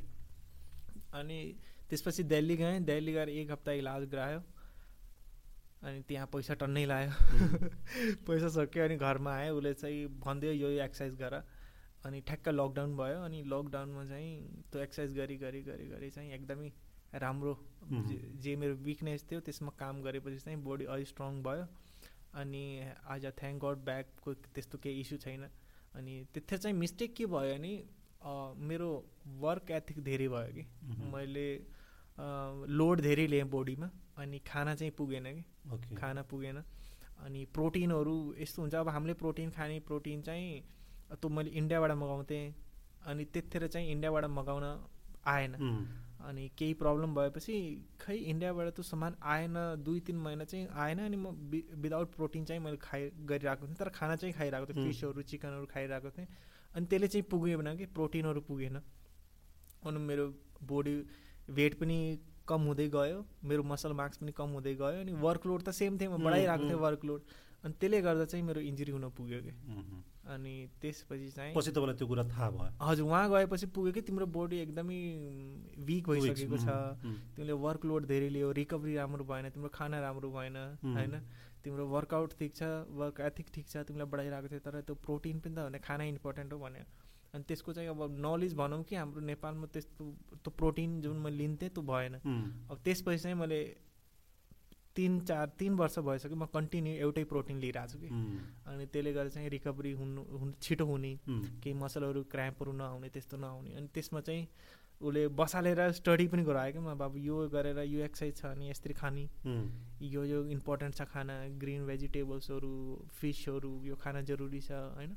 अनि बिचमा त राइस पनि मैले कट गरिदिएको थिएँ। उसले भने राइस पनि खाऊ तिम्रो वेट पहिला नै कम छ। मेरो सेभेन्टी हुनपर्ने तर मेरो सेभ सिक्सटी सेभेन मात्रै वेट छ अनि वेट पनि कति उठाउने भन्ने कसरी बढाउने भन्ने त्यस्तो कुरा आयो। र यिनी कुराहरू चाहिँ भएपछि चाहिँ मैले सोचेँ कि मैले एक्लै चाहिँ वर्कआउट गर्दिनँ। जिममा कसले वर्कआउट गर्दैन अनि त्यसले गर्दा चाहिँ म एउटा नाडा भन्ने हाम्रो छ होइन?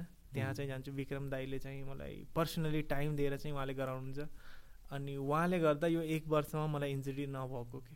उहाँले जति मलाई टाइम दिनुभयो अब धेरै कुरा त आफूलाई पनि थाहा भयो। ओभियसली उहाँले झन् मैले म फेरि यस्तो चाहिँ मैले केही गरिरहेको छु भने त्यो कुरा सोधिरहेको हुन्छु कि दाइ यो किन?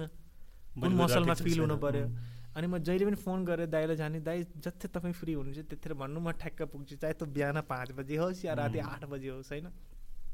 अनि त्यो दाइ जहिले पनि म एक्सर्साइज गरेको छु नि यहाँ हुने कि साइडमा। विक्रम दाईले जहिले पनि त्यो दाइले मजाले हेल्प गर्ने। अनि उहाँ दाइले गर्दा पनि कहीँ न कहीँ भनौँ न ब्याटिङ पनि राम्रो भएको कि मेरो। किनकि उहाँले मेरो लोवर बडीमा एकदमै वर्क गरिदिनु भयो अनि हाम्रो ट्रेनर त हुनुहुन्छ जो अब हाम्रो ट्रेनर अहिले इन्डिया हुँदाखेरि चाहिँ म कोसँग ट्रेन गर्ने त? त्यसले गर्दा चाहिँ म विक्रम दाईको उसमा जान्छु। अहिले चाहिँ नाडा भन्ने ओपन गर्नु थियो। पहिला नक्सालमा थियो। अहिले अहिले ठुलै खोल्नु छ। सबै एथलिटहरू त्यहाँ आउने कि? अनि सबैलाई हेर्दा पनि खुसी लाग्ने। यार यहाँ म मात्रै छैन। अरू प्लेयरहरू पनि छ।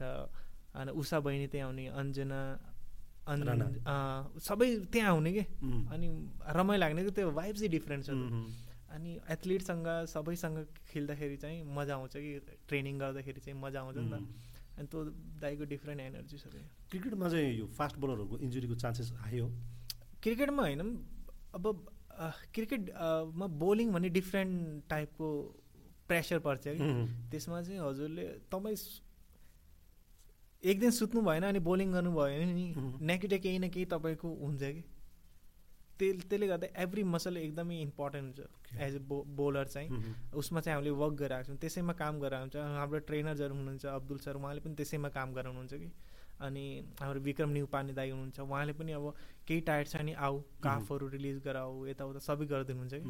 भनेपछि तपाईँले आफ्नो कन्डिसनको बारेमा चाहिँ उहाँहरूसँग त राम्रो प्रोपरली सल्लाह पनि राम्ररी गर्नु पऱ्यो होइन? एकदम अब तिमीले आज हामीले कति ओभर फाल्यौँ भने तँ पनि रेकर्ड उहाँलाई पठाउनु पऱ्यो कि? अनि उहाँले चाहिँ एक हप्तामा तिमीले यति ओभर फाल्ने भन्ने चाहिँ तँभन्दा बढी फाल्यो भने तिमीलाई गाह्रो हुनसक्छ you have to take rest भनेर चाहिँ उहाँले पुरा बनाउनुहुन्छ अनि कोचलाई पनि इन्फर्म गर्नुहुन्छ अनि फिजियोलाई पनि अनि मसाज गर्ने दाइलाई पनि बोलाउनुहुन्छ। अनि त्यो मसलहरूलाई चाहिँ कसरी रिकभर गर्ने स्विमिङहरू गर्ने त्यो सबैमा वर्क गर्नुहुन्छ। अहिले चाहिँ त्यो चाहिँ एकदमै राम्रो प्याटर्न छ अहिले। अब एउटा मैले अर्को जान्न खोजेको छु जस्तो तपाईँ फिफ्टी ओभरको म्याचेसहरू खेल्नुहुन्छ ट्वेन्टी ओभरको खेल्नुहुन्छ होइन। त्यो दुइटा गेम खेल्नुको लागि त डिफ्रेन्ट लेभलको तपाईँको मेन्टालिटी पनि चाहिन्छ होला। हजुर। होइन? कस्तो खालको मेन्टालिटी हुन्छ? ट्वेन्टी ओभर खेल्दाखेरिको तपाईँको मेन्टालिटी के हुन्छ? स्ट्राटेजी त त्यही अनुसारले बनाउनुहुन्छ होला। कसरी तपाईँले आफूलाई प्रिपेयर चाहिँ कसरी गर्नुहुन्छ? टी ट्वेन्टीमा टी ट्वेन्टी फास्ट गेम हो। त्यसले गर्दा चाहिँ हामीलाई जहिले पनि ब्याट्सम्यानभन्दा एक स्टेप अघि हुनु पऱ्यो नभए उसले अभियसली फाइदा उठाइहाल्छ। एभ्री बोल डिफ्रेन्ट हुनु पऱ्यो एभ्री बोल सरप्राइज हुनु पऱ्यो यो त टी ट्वेन्टी भनेको त ब्याट्सम्यानको लागि हजुर ब्याट्सम्यानको लागि भयो किनकि अब अभियसली ग्राउन्ड पनि सानो हुन्छ विकेट पनि त्यस्तै हुन्छ होइन? टी ट्वेन्टी फास्ट क्रिकेट हो त्यसले गर्दा चाहिँ त्यसमा कमब्याक गर्ने मौकाहरू एकदम कम पाउँछ कि। त्यसले गर्दा चाहिँ एभ्री बल त्यसमा त ब्याटल जस्तै हो। हजुरले एभ्री बल जित्नु पऱ्यो र एभ्री बलमा चाहिँ ब्याट्सम्यानभन्दा एक स्टेप अघि हुनु पऱ्यो कि नभए तपाईँ हार्नुहुन्छ त्यसमा त्यस्तो हुन्छ। अनि ओडिआईमा के हुन्छ नि तपाईँको कति शान्त हुनुहुन्छ कतिको तपाईँ काम हुनुहुन्छ कि एउटै ठाउँमा फाल्नु भएको छ ब्याट्सम्यानले लिपका लिप गरिरहेको छ अनि तपाईँले उसँग मिस्टेक गराउनु पऱ्यो कि? ओके। उसको माइन्डबाट मिस्टेक गराउनु पऱ्यो समटाइम त माइन्ड मिस्टेक गर्नको लागि एउटा एउटा दुइटा ड्राइभ पनि खानुहुन्छ चौका पनि खानुहुन्छ त्यसलाई कन्फिडेन्ट दिनु पऱ्यो कि भाइ त आज सेट छ तेह्रै दिनु। अनि त्यसपछि चाहिँ हजुरले त्यसलाई आउट बनाउनु पऱ्यो माइन्ड गेम पनि माइन्ड क्रिकेट भन्ने टोटल्ली माइन्ड गेम हुँदा कि हजुरले तपाईँले ए ब्याट्सम्यानलाई कसरी रिड गर्नुभएको छ? र तपाईँले चाहिँ आफ्नो बोलिङमा त्यसलाई कसरी कन्ट्रोल गर्नुभएको छ? त्यो चाहिँ हुन्छ कि? तर बाहिरबाट हेर्दाखेरि त हामीले देख्दाखेरि त खालि बल फालेको छ। ब्याट गरेछ भन्ने मात्रै देखिन्छ। हजुर हजुर। अनि ब्याट्सम्यान पनि त त्यस्तै हुन्छ नि त। ब्याट्सम्यानले पनि एक दिन पहिला एक दिन पहिला कि एक हप्ता पहिला हामीले त एक हप्ता पहिल्यै नै होमवर्क गर्छौँ त यो ब्याट्सम्यानको यो जो एरिया राम्रो छ। र हामीले यो यो एरियाको यसको विकनेस हो यसमा चाहिँ काम गर्ने हो। यस्तो वर्क हुन्छ कि? अनि त्यसमा चाहिँ अब जति पनि विकेट लिएछौँ नि त्यसमा चाहिँ हामीले वर्क गरेर चाहिँ लिएको छौँ स्लिप राखेछौँ भने या फेरि हामीले समटाइम पोइन्ट बाहिर राखेछौँ भने डिप स्केयर लिएर राखेछौँ भने त्यहीँ आउट पार्छौँ नि त्यो पनि एउटा प्लान भयो। होइन प्लस ब्याट्सम्यानले पनि त्यस्तै आउँछ कि अब यसले आउटस्विङ फाल्छ भने यसलाई हामीले धेरै कहाँ रन हान्न सकिन्छ यसले रन धेरै कहाँ खान्छ। यसले सर्ट बल एक ओभरमा एक फाल्छ भने कुन बल फाल्न सक्छ? स्लो रन कतिको फाल्छ। त्यति त्यो होमवर्क चाहिँ पुरा कम्प्लिट हुन्छ। अनि त्यो दिन ब्याटलमा जसले जित्यो जसको दिन राम्रो छ त्यसले जित्थ्यो। त्यही हो। कहिलेकाहीँ तपाईँको त्यो इन्डिभिजुअल टसल पनि भइरहेको देखिन्छ नि ब्याट्सम्यान र बलरमा होइन? त्यो पनि डिस्टर्ब गर्नको लागि हो नि त। त्यो पनि डिस्टर्ब मेरो फेरि यस्तो छ म आफ्नो बोलिङ गर्दाखेरि चाहिँ मलाई जस्तैसम्म कसैले केही भन्दैन मैले कसैले केही भन्दैन होइन। अब उङ्ली गऱ्यो भने फेरि फेरि गाह्रो हुन्छ। प्रभोक त हुन्छ नि होइन? तपाईँलाई पनि प्रभोक त गर्ने हुन्छ नि त। अभियसली अभियसली मलाई पनि दुई तिनचोटि त्यस्तो भएको छ तर रमाइलो हुन्छ रमाइलो त रमाइलो हुन्छ। डिफ्रेन्ट देखिन्छ नि त आफूलाई। एउटा टिमको तपाईँको ब्याटल त आफ्नो ठाउँमा छ। इन्डिभिजुअल ब्याटल पनि त्यहाँ हुन्छ। इन्डिभिजुअल पनि हुन्छ। अब अर्को चाहिँ सोमपाललाई कहिलेकाहीँ मिसफिल्ड हुँदाखेरि होस् आफ्नो विकेट आइरहेको छ भने क्याच छुट्यो भने त्यति बेला चाहिँ मलाई त रिस टन्नै उठ्छ। मलाई म खै मलाई चाहिँ रिस उठ्छ बट म ट्राई गर्छु कि कन्ट्रोल गरौँ। तर हिट अफ द मुमेन्ट हो। त्यो चाहिँ ग्राउन्डमा तर बाहिर आएपछि कहिले के भनिदिनु सरी चाहिँ म भनिदिन्छु सरी यार बाई मिस्टेक चाहिँ। अब उनीहरूले पनि अन्डरस्ट्यान्ड गर्छ। तर बाहिर चाहिँ त्यस्तो छैन बाहिर चाहिँ त्यस्तो बाहिर मलाई डर लाग्छ पिट्दै अनि कसैले। बाहिर त भाइ यस्तो गर्दै हिँड्छु मैले अर्को एउटा तपाईँसँग अलिकति सेयर सायद तपाईँले गरि पनि सक्नुभयो होला। हामीसँग पनि सेयर गरिदिनुहोस्। त्यो मैले भिडियो पनि हेर्छु कि घरिघरि तपाईँले विराट कोहलीले तपाईँको जुत्तामा साइन गरिरहेको थियो। त्यो मुभमेन्ट कसरी सम्भव भयो? त्यो मुमेन्ट यस्तो थियो म पहिला नै सोचेर गएको थिएँ कि मैले विराट कोहलीको चाहिँ टी सर्ट र सिग्नेचर लिएर आउने भन्ने चाहिँ थियो। जानु अगाडि नै हो मेरो पहिला नै म यहाँ क्वालिफाई भयो विराट कोहलीको टी सर्ट लिएर आउँछु थियो कि मनमा। टी सर्ट लिएर आउँछु सिग्नेचर लिएर आउँछु भने किनकि अब उसलाई अब फेरि कहिले भेट्ने नभेट्ने त थाहा छैन। त्यो भन्दा पनि मैले सचिनलाई र अख्तरलाई फलो गर्थेँ। म जहिले नि अब सचिनलाई भेट्छु भन्ने मेरो मनमा थियो। या फिर अख्तरलाई भेट्ने मेरो सपनै थियो कि। त्यसपछि विराट कोहली थियो कि। अनि विराट कोहलीलाई चाहिँ म म एकदम सानो थिएँ र ऊ चाहिँ पन्जाब पटियालामा चाहिँ खेल्न आएको थियो अन्डर सिक्सटिन अनि म त्यतिर बल भयो थिएँ कि। होइन? ऊ खेल्न आउँदा? ऊ खेल्न आउँदा। इन्डिया पटियालामा ब्याटिङ गरेर आएको थियो। त्यसले त्यहाँ लन्चसम्म खेलेको थियो त्यसले डेढ सय रन हान्दिथ्यो कि। मर्निङदेखि लन्चसम्म तिस ओभरमा त्यसले डेढ सय रन हान्दिथ्यो कि एक्लै। म क्या प्लेयर हो या त्यो इन्डिया खेल्छ पक्कै भयो होइन? अनि त्यसपछि चाहिँ तिनीहरूले जिते अनि दिल्ली फर्क्यो। पन्जाबसँग गेम थियो म बल भयो थिएँ अनि त्यसलाई फर्स्ट टाइम देखेको थिएँ। अनि त्यसपछि पछि अन्डर नाइन्टिन वर्ल्ड कपमा हेरेँ। अनि त्यसपछि हेर्दाखेरि त विराट कोहली त विराट कोहली भयो। त्यो त विराट मात्रै थियो। अनि विराट कोहली भयो अनि त्यसको प्लेयर मात्रै होइन त्यसले अब एथलिटै चेन्ज गरिदियो नि त। एथलिट भन्ने के हो भन्ने फुडदेखि लिएर डिसिप्लिनदेखि लिएर होइन ब्रान्ड कसरी बनाउने आफूलाई होइन ती सबै चिज अहिले भनौँ न इन्डियामा सबभन्दा धेरै फलो गर्ने इन्स्टाग्राममा त्यसै होला नि त स्पोर्ट्समा अहिले क्रिस्टियानोसँग कम्पेयर गर्छन्। कहाँ क्रिस्टियानो कहाँ होइन कम्पेयर गर्छन् नि त। अनि त्यसले गर्दा चाहिँ उसको मलाई गेमभन्दा पनि त्यो एटिट्युड चाहिँ मन पर्थ्यो कि? त्यो एटिट्युड पहिल्यैदेखि त्यस्तै थियो। अनि नर्थ साइडमा पन्जाब दिल्लीतिर त्यस्तै हुन्छ कि? लडेर खेल्ने गाली दिएर खेल्ने टाइपको हुन्छ नि त। फाइटर खालको। एकदम फाइटर टाइपको अनि अनि मलाई मलाई पनि त्यस्तै भन्नु छ टाइपको हुने। अनि त्यसलाई फलो गर्थेँ मैले। अनि उसँग भेट्न थियो जसरी पनि। अनि म्याच सक्यो म्याच सकेपछि म गएँ। पहिला जुत्ता लगाएर गएन हान्छ कि? टाइपको जुत्ता लगाएर गइनँ। अनि जुत्ता चाहिँ नयाँ किनेर लिएर होइन जुत्ता चाहिँ मलाई एउटा फ्यान हुनुहुन्थ्यो। म मलाई याद छ म र केसी चाहिँ हामी बुटोल गइरहेको थियौँ केही लिग खेल्न। अनि उहाँले चाहिँ म दाइ हजुरको एकदम फ्यान हो म अस्ट्रेलियाबाट आएको भन्नुभयो। अनि उहाँले चाहिँ मलाई पचास डलर दिनुभएको थियो कि अस्ट्रेलियन। अनि त्यो म मेरो पकेटमा अहिलेसम्म छ। अनि किन दिनुको भन्दाखेरि मैले त यो दिएन होइन तपाईँले मलाई याद गर्नुहुन्न भन्यो कि। कुरो त सही हो यार यस्तो फ्यान त कति आउँछ होइन पचास डलर दियो। अनि आफ्नो पर्समा राख्नु भन्यो। मेरो अहिले अहिले पनि छ मेरो पर्समा त। अनि त्यसपछि केसीलाई पनि चक्लेटहरू दियो। अनि त्यसपछि अब यस्तो राम्रो लाग्यो मलाई त्यो फ्यान एकदमै राम्रो लाग्यो। अनि उहाँले रिक्वेस्ट पठाउनु भयो अनि मैले एड गरेँ। अनि उहाँ थाहा छ नि त मलाई जुत्ताहरू एकदमै मनपर्छ कि। एकदमै मनपर्ने होइन। अनि उहाँले दाइ आफ्नो नम्बर पठाइदिनु सुजको भने नाइ भाइ मलाई चाहिँदैन यार मलाई चाहिँदैन भने भन्यो भने होइन। अनि हाम्रो गेम चलिरहेको थियो। खै के गेम चलिरहेको थियो? मलाई याद भएन। चलिरहेको थियो। उहाँ चाहिँ अस्ट्रेलियाबाट आउनुभयो रहेछ कि। अस्ट्रेलियाबाट आउनुभयो म ट्याक्स गर्नु ए हेर्नु त होटलको बाहिर। होटलको बाहिर आएर होइन अनि ठ्याक्क आयो अनि उहाँलाई टी सर्ट चाहिएको थियो। मैले ठिक छ आउनु। अब मलाई के हुन्छ नि मैले कसैले आफ्नो नामको टी सर्ट दिइरहेको छ भने मलाई नि प्राउड फिल हुन्छ कि अभियसली या। किनकि म जतिखेर एज ए क्रिकेट फ्यान मलाई सचिन तेन्दुलकरको टी सर्ट चाहिएको थियो। र विराट कोहलीको अहिले चाहिएको छ। होइन मलाई थाहा छ कि कति इम्पोर्टेन्ट छ त मेरो लागि। अनि त्यो टी सर्ट उसको लागि पनि त्यति इम्पोर्टेन्ट होला नि त। अनि उहाँलाई मैले होटल बोलाएँ आउनुभयो कफी पिलाएँ अनि टी सर्ट दिएँ अनि उहाँले चाहिँ मलाई जुत्ताहरू गिफ्ट गर्नुभयो कि। जुत्ता गिफ्ट गर्नुभयो। त त्यो चाहिँ जुत्ता मैले लगाइनँ। अब त्यो जुत्ता त अब फर्स्ट टाइम कसैले दिएको अब कसैले लगाउने त्यो गिफ्ट त पनि। अनि मैले रुममा राखिरहेको थिएँ। अब मलाई थाहा थियो हामी एसिया कप खेल्न गइरहेको छौँ। यसमा चाहिँ उहाँ विराट कोहलीको लिएर अझै स्पेसल जुत्ता बन्छ यो भनेर होइन अनि ठ्याक्क गएँ अनि विराट कोहली चाहिँ आफ्नो किट ब्याग प्याक गरिरहेको थियो। अरूले अरूको चाहिँ ख कुनले म्यानेजरले आई डोन्ट नो कसले प्याकिङ गरिरहेको थियो तर विराट कोहलीले चाहिँ आफ्नो किट ब्याग आफै प्याक गरिरहेको थियो कि। अनि मैले भने पहिला प्याक गर्न थियो अहिले त जान्न रिसाउन सक्छ होइन अनि प्याक गरेर गरेँ अनि म गएँ अनि मैले पन्जाबीमा सत श्री अकाल पाजी भने अनि हेलो भने अनि कुराहरू हुन थाल्यो।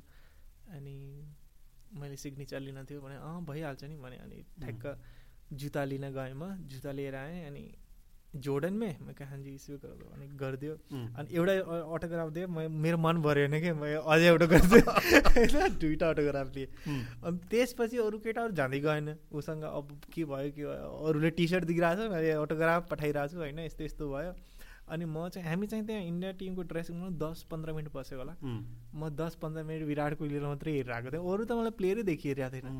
अन्त केही पनि थिएन उसैसँग उभिरहेको थियो बसिरहेको थियो एटलिस्ट देख्न त पाइएछ टाइप मैले यो टाइम स्पेन्ड गरौँ योसँग अनि रमाइलो भयो साइन गऱ्यो अनि हार्दिक पाण्ड्याले मलाई ऊ पनि दियो।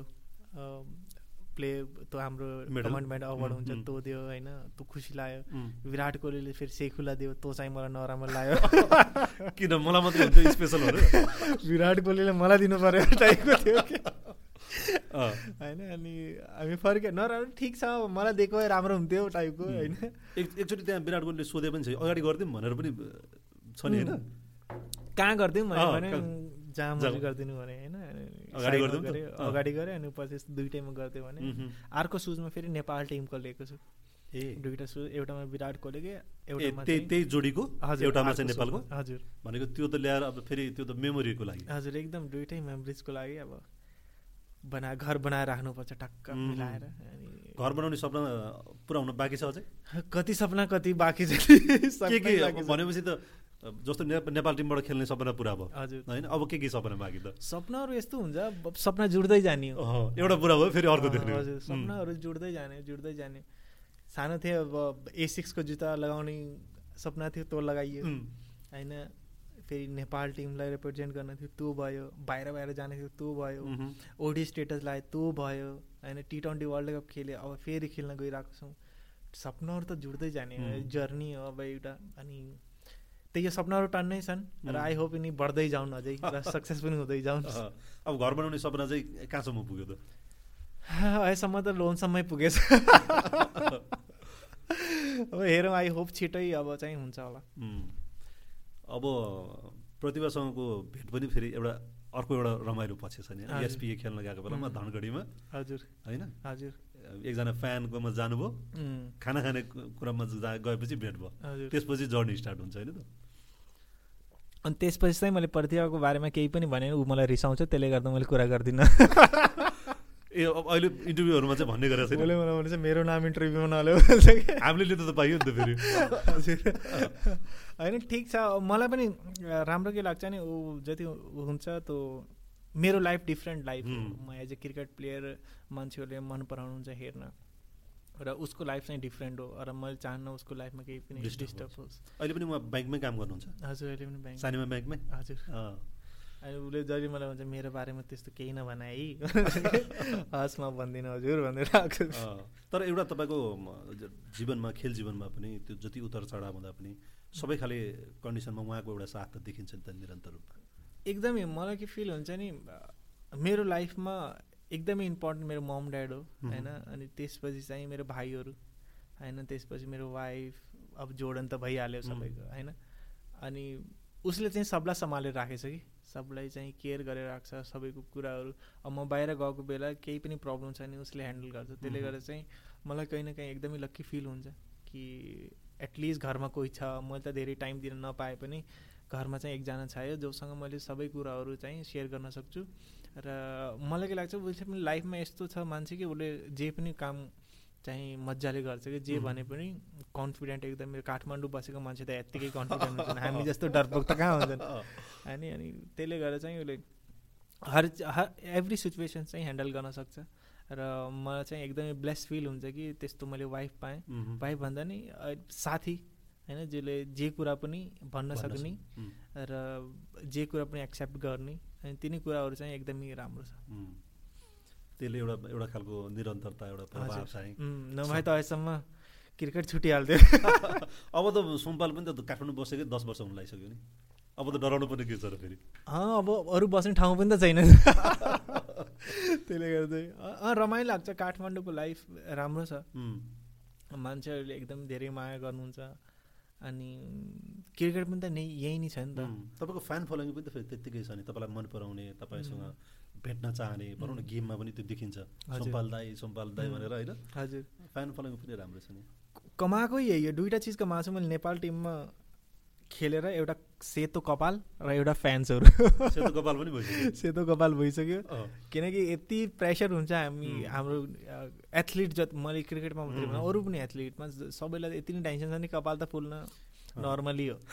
निन्द्रै लाग्दैन होइन। त्यसले गर्दा चाहिँ अब दुइटा चिज कमाएको एउटा कपाल सेतो भएको र एउटा चाहिँ फ्यान्सहरू जति पनि माया अनि मलाई चाहिँ कहिल्यै इरिटेट लाग्दैन। कहिल्यै इरिटेट लाग्दैन कहिल्यै पनि तपाईँले भन्नुहुन्छ हजारजनासँग भेट हजारसँग सेल्फीले म लिन्छु कि। किनकि मलाई रमाइलो लाग्छ मान्छेले चिन्यो भने। अनि कुरा गर्दाखेरि चाहिँ मलाई रमाइलो लाग्छ।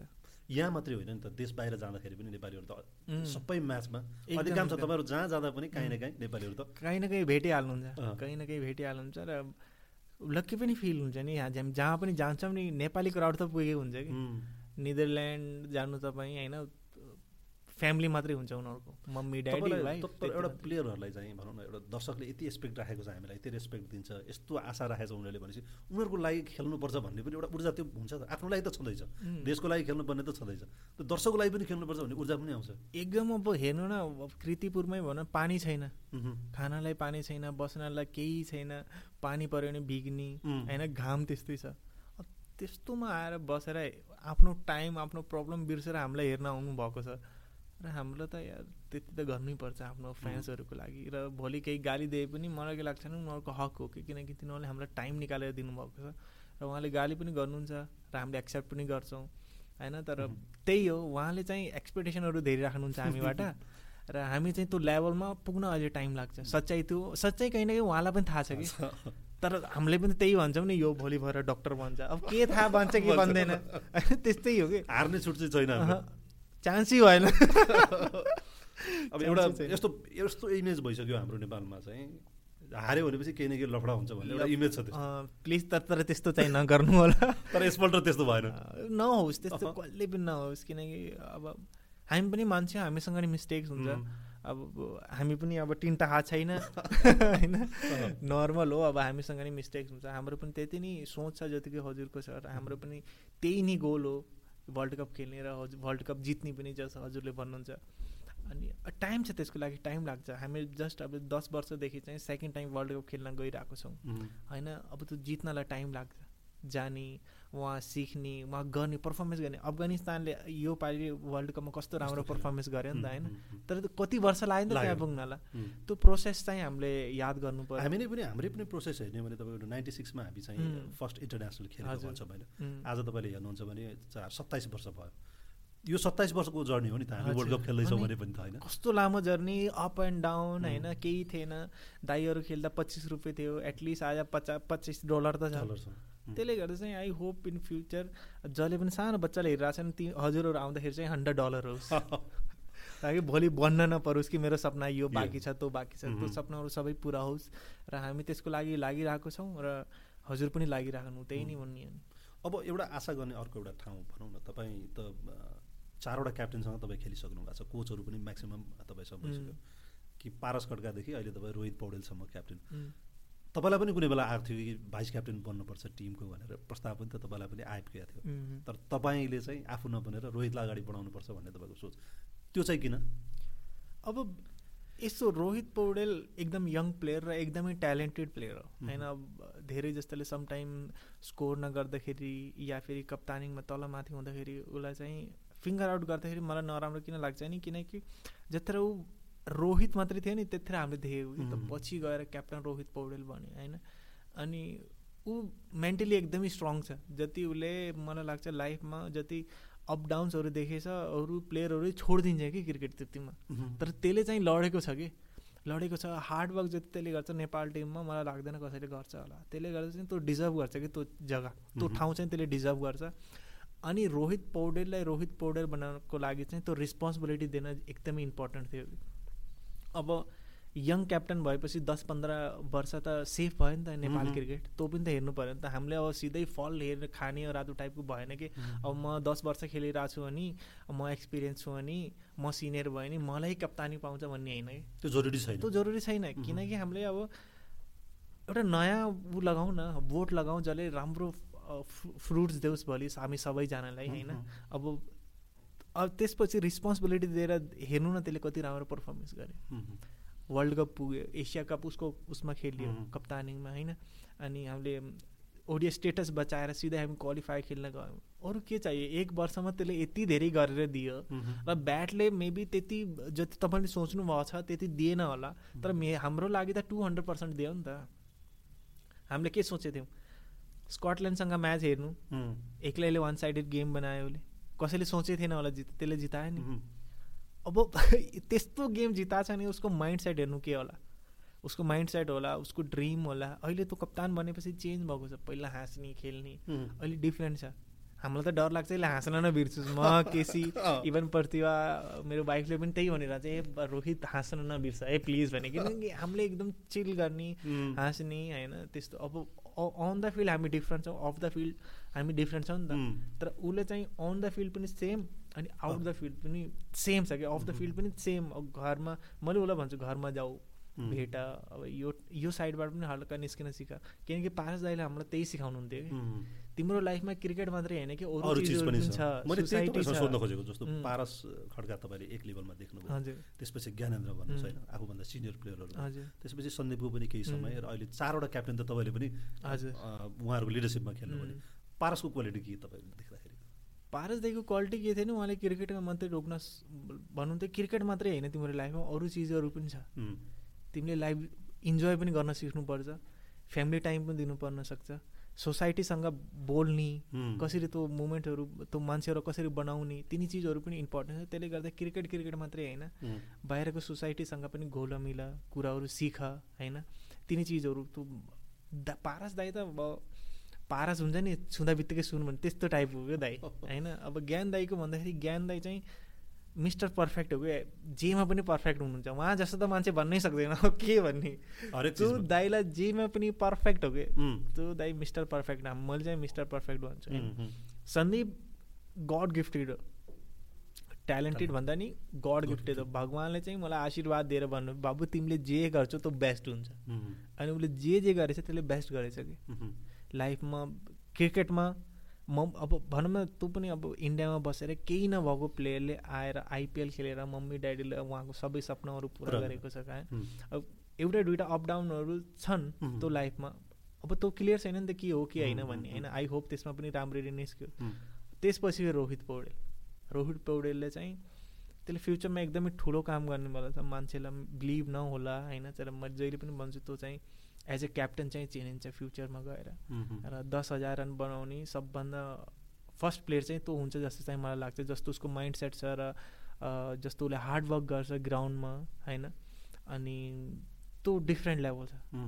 त्यो आई होप यो कन्टिन्यू पनि रहोस् र भगवान्ले उसलाई अझै सक्सेस दियोस् किनकि उसको सक्सेसमा हाम्रो पनि सक्सेस छ कि क्रिकेटको पनि। अनि त्यसले गर्दा चाहिँ एकदम खुसी लाग्छ। त्यसले गर्दा नि हो धेरै त केही पनि थिएन। अरू जस्तो अरू खेलमा को क्याप्टेन र क्रिकेटको क्याप्टन हुनु त डिफ्रेन्ट चिज भन्छ नि तपाईँको। मैदान बाहिर कोचले तपाईँलाई धेरै कुरा गाइड गर्ला प्लानिङ पनि दिएला तर त्यो सबै चिजलाई एक्जिक्युट गर्ने भनेको त फेरि क्याप्टेनले हो। अब कति कुरा त तपाईँहरूको फेरि क्रिकेटमा त क्यालकुलेसन पनि गर्नु पर्यो। क्यालकुलेसन हजुर एकदमै एकदमै। त्यसमा त्यही चिज राम्रो छ त्यसको क्यालकुलेसनहरू एकदमै राम्रो छ। जेमा पनि यत्तिकै भगवान्ले यत्रो टाउको दिएन चाहिँ एकदमै स्मार्ट छ त एकदम ग्राउन्डमा एकदम स्मार्ट छ। डिसिजनहरू एकदमै राम्रो लिन्छ जति पनि अन द फिल्ड डिसिजन लिन्छ एकदमै राम्रो लिन्छ। र आई होप यस्तै गरिराखोस् लाइफमा। र प्लानिङहरू हामी सबैजना बसेर नै गर्छौँ। बोलिङ टिम एक साइड बस्दाखेरि चाहिँ उसलाई कल गरेर बोलाउँछौँ अनि कुरा गर्छौँ कि यस्तो यस्तो भएर चाहिँ हामी जान सकिन्छ। अनि हाम्रो प्लान के छ त्यो पनि सेयर गरिन्छ अनि त्यो चाहिँ एकदमै क्लियर छ आफ्नो भनेको उसले चाहिँ त्यो सानो एजमै ठुलो खालको रेस्पोन्सिबिलिटी नेपाललाई लिड गर्ने नेपाली टिमलाई लिड गर्ने भन्ने कुरा त किनभने ज्ञानेन्द्रलाई क्याप्टेनसिप गर्यो तपाईँलाई भन्नुहोस् करण भन्नुहोस् तपाईँहरू सिनियर मेम्बर हुनुहुन्छ टिम हजुर। अलिकति उसलाई त्यो खालको प्रेसर चाहिँ देख्नुहुन्छ कि देख्नुहुन्न कि सिनियर प्लेयरसँग उसले अलिकति प्रेसर फिल गरेको त्यस्तो महसुस गर्नुहुन्छ कि गर्नुहुन्न कहिले? त्यस्तो हामीले त्यसलाई त्यस्तो जोनै दिएको छैन अहिलेसम्म। किनकि उसलाई हामी एकदमै क्लोज थियौँ कि हामी सबै टिम जति पनि प्लेयरहरू छ अहिले सबैजना एकदमै क्लोज छ कि। केही पनि प्रब्लम छ भने केही पनि छ भने हामी सबै बसेर सल्भ सल्भ गर्ने कि। केही पनि कसैलाई अनकम्फर्टेबल छ अनि या फेरि केही भएको छैन भने चाहिँ हामी सबैजना बसेर चाहिँ कुरा गर्ने कि त्यो पर्फर्मेन्सको बारेमा या फेरि त्यो नराम्रो किन भयो? अनि हामीले चाहिँ त्यो जा अभियसली कोही पनि प्लेयरले जानेर त्यस्तो गर्दैन। होइन त्यो भएपछि चाहिँ अर्को प्लेयरले चाहिँ त्यो कभर गर्नु पऱ्यो कि। त्यो चाहिँ इम्पोर्टेन्ट छ। हामी फाइनल म्याच हार्ने रिजन के भयो भने त्यो दिन मेरो बोलिङ बिग्रियो केसीको पनि बोलिङ बिग्रियो सेम डेमा होइन? अनि त्यही दिन समटाइम केसीको बिग्रेपछि मैले कभर गरिदिन्थेँ या फिर मेरो बिग्रेपछि केसी कभर गरिदिन्थ्यो तर त्यो दिन हामीले गर्न सकिएन कि। तर फेरि पनि हामीले म्याच तन्काएको थियो नि त सुपर ओभरसम्म गयो। सुपर ओभरसम्म गएपछि चाहिँ हामीलाई चाहिँ बिलिभ थियो कि हामीले राम्रो गर्न सकिन्छ। बट त्यो दिन हाम्रो दिन थिएन त्यसले गर्दा चाहिँ छुट्यो। र आई होप नेक्स्ट टाइम जत्र यस्तो हुन्छ नि त्यो साइड चाहिँ हामीले नै जित्छौँ।